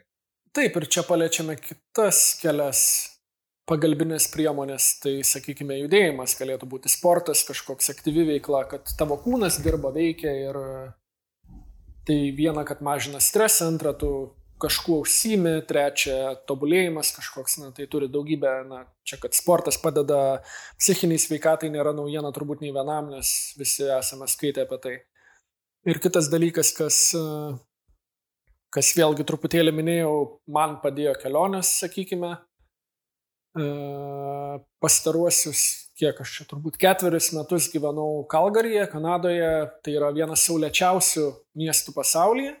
Ir tu kalbėjai apie vandens telkinius ir aš irgi niekada, ne tai kad netikėjau, bet nenorėjau pripažinti, kad man daug įtakos mano nuotaikai turi saulė.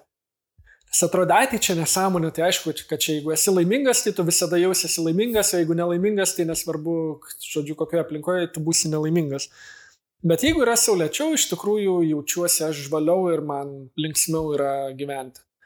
Tai gyvenant e, viename saulėčiausių miestų pasaulyje, aš jaučiausi geriau, net Kanada.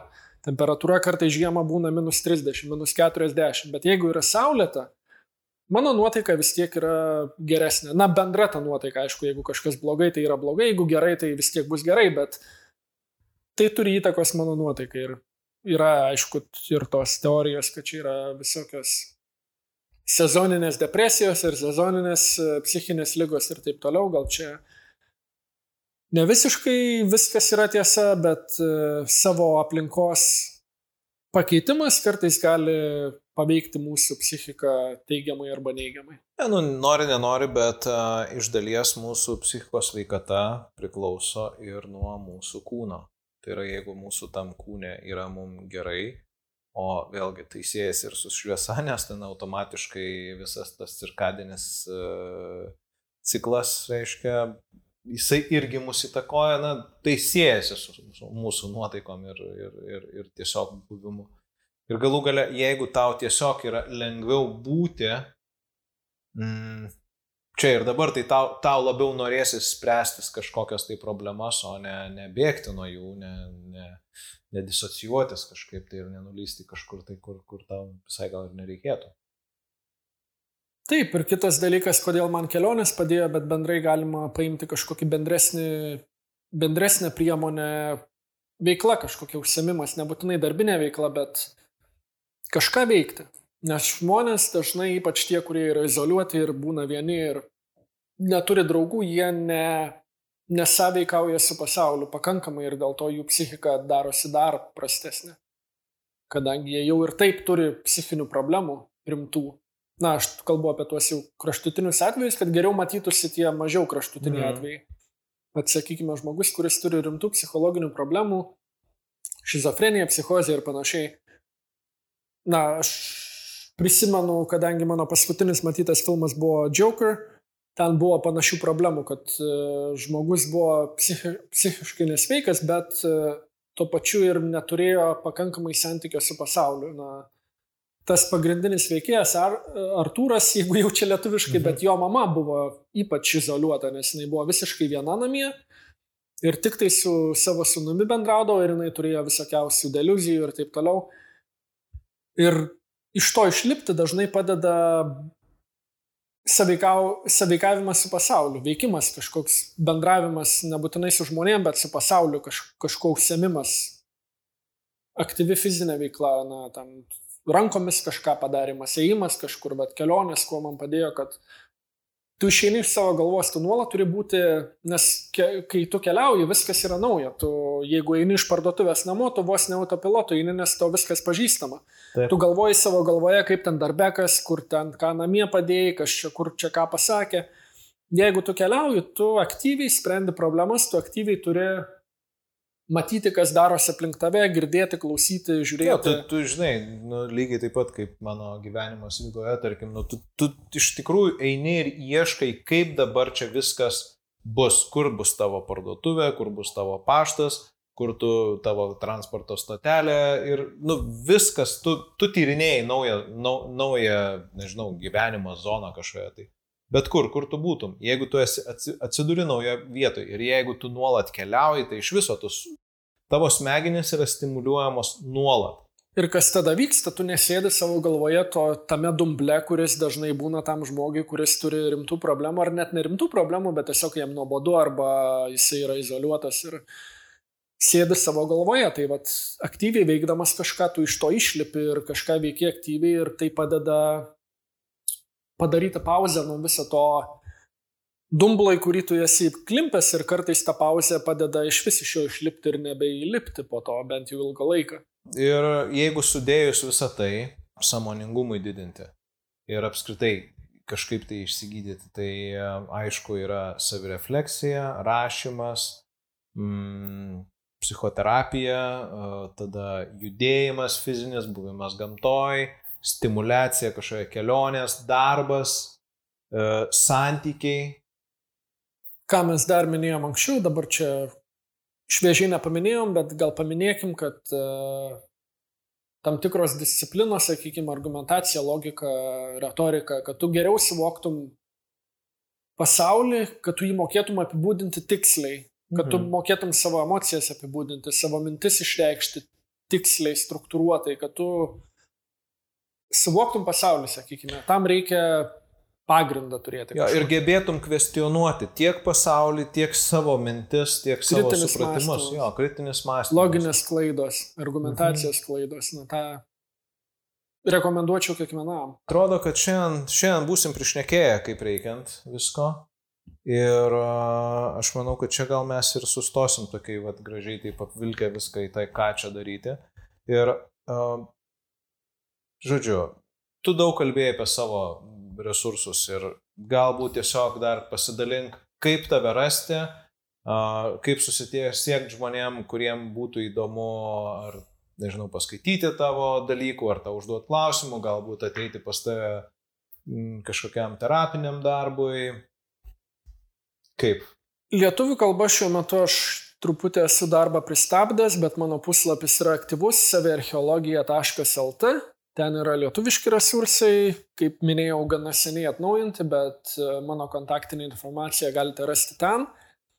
Facebook'e saviarcheologija, darots, e, vis dar aktyvus puslapis, mažai ką ten dedu.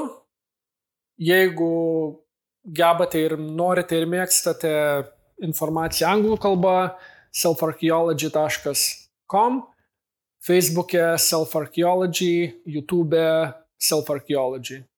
Žodžiu, viskas, jeigu suvesi self-archaeology, tai greičiausiai į kažkur tai už tai esu užkliūsi. Į Google, jeigu įvesite mano vardą pavardę Darius Cikanavičius, bet dar geriau įvesite self-archaeology, arba CV archeologiją turėtumėte rasti mano puslapį gana greitai. Ok. Gerai, tai ką, Dariu, ačiū.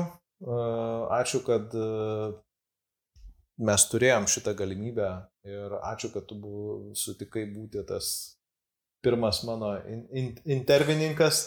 Ir man atrodo, kad visai mes čia gerai ir fainai pašnekėjom ir galbūt kažkada mes vėl susibėgsim ir pamatysim antrą dublį. Tai ką, malonu buvo pasikalbėti, ačiū, kad pasikvietei, pagurkšnojom skyščių ir pakalbėjom ir dabar greičiausiai eisime kažką užkasti. Taigi dėkoju, kad pasikvietei ir iki kitų pasikalbėjimų. Viso geriausio. Su jumis buvo Tilviko Lizdas ir Julius su Dariumi. Ir pasimatysim kažkada vėl neužilgo. Sėkmės jums, brangiai.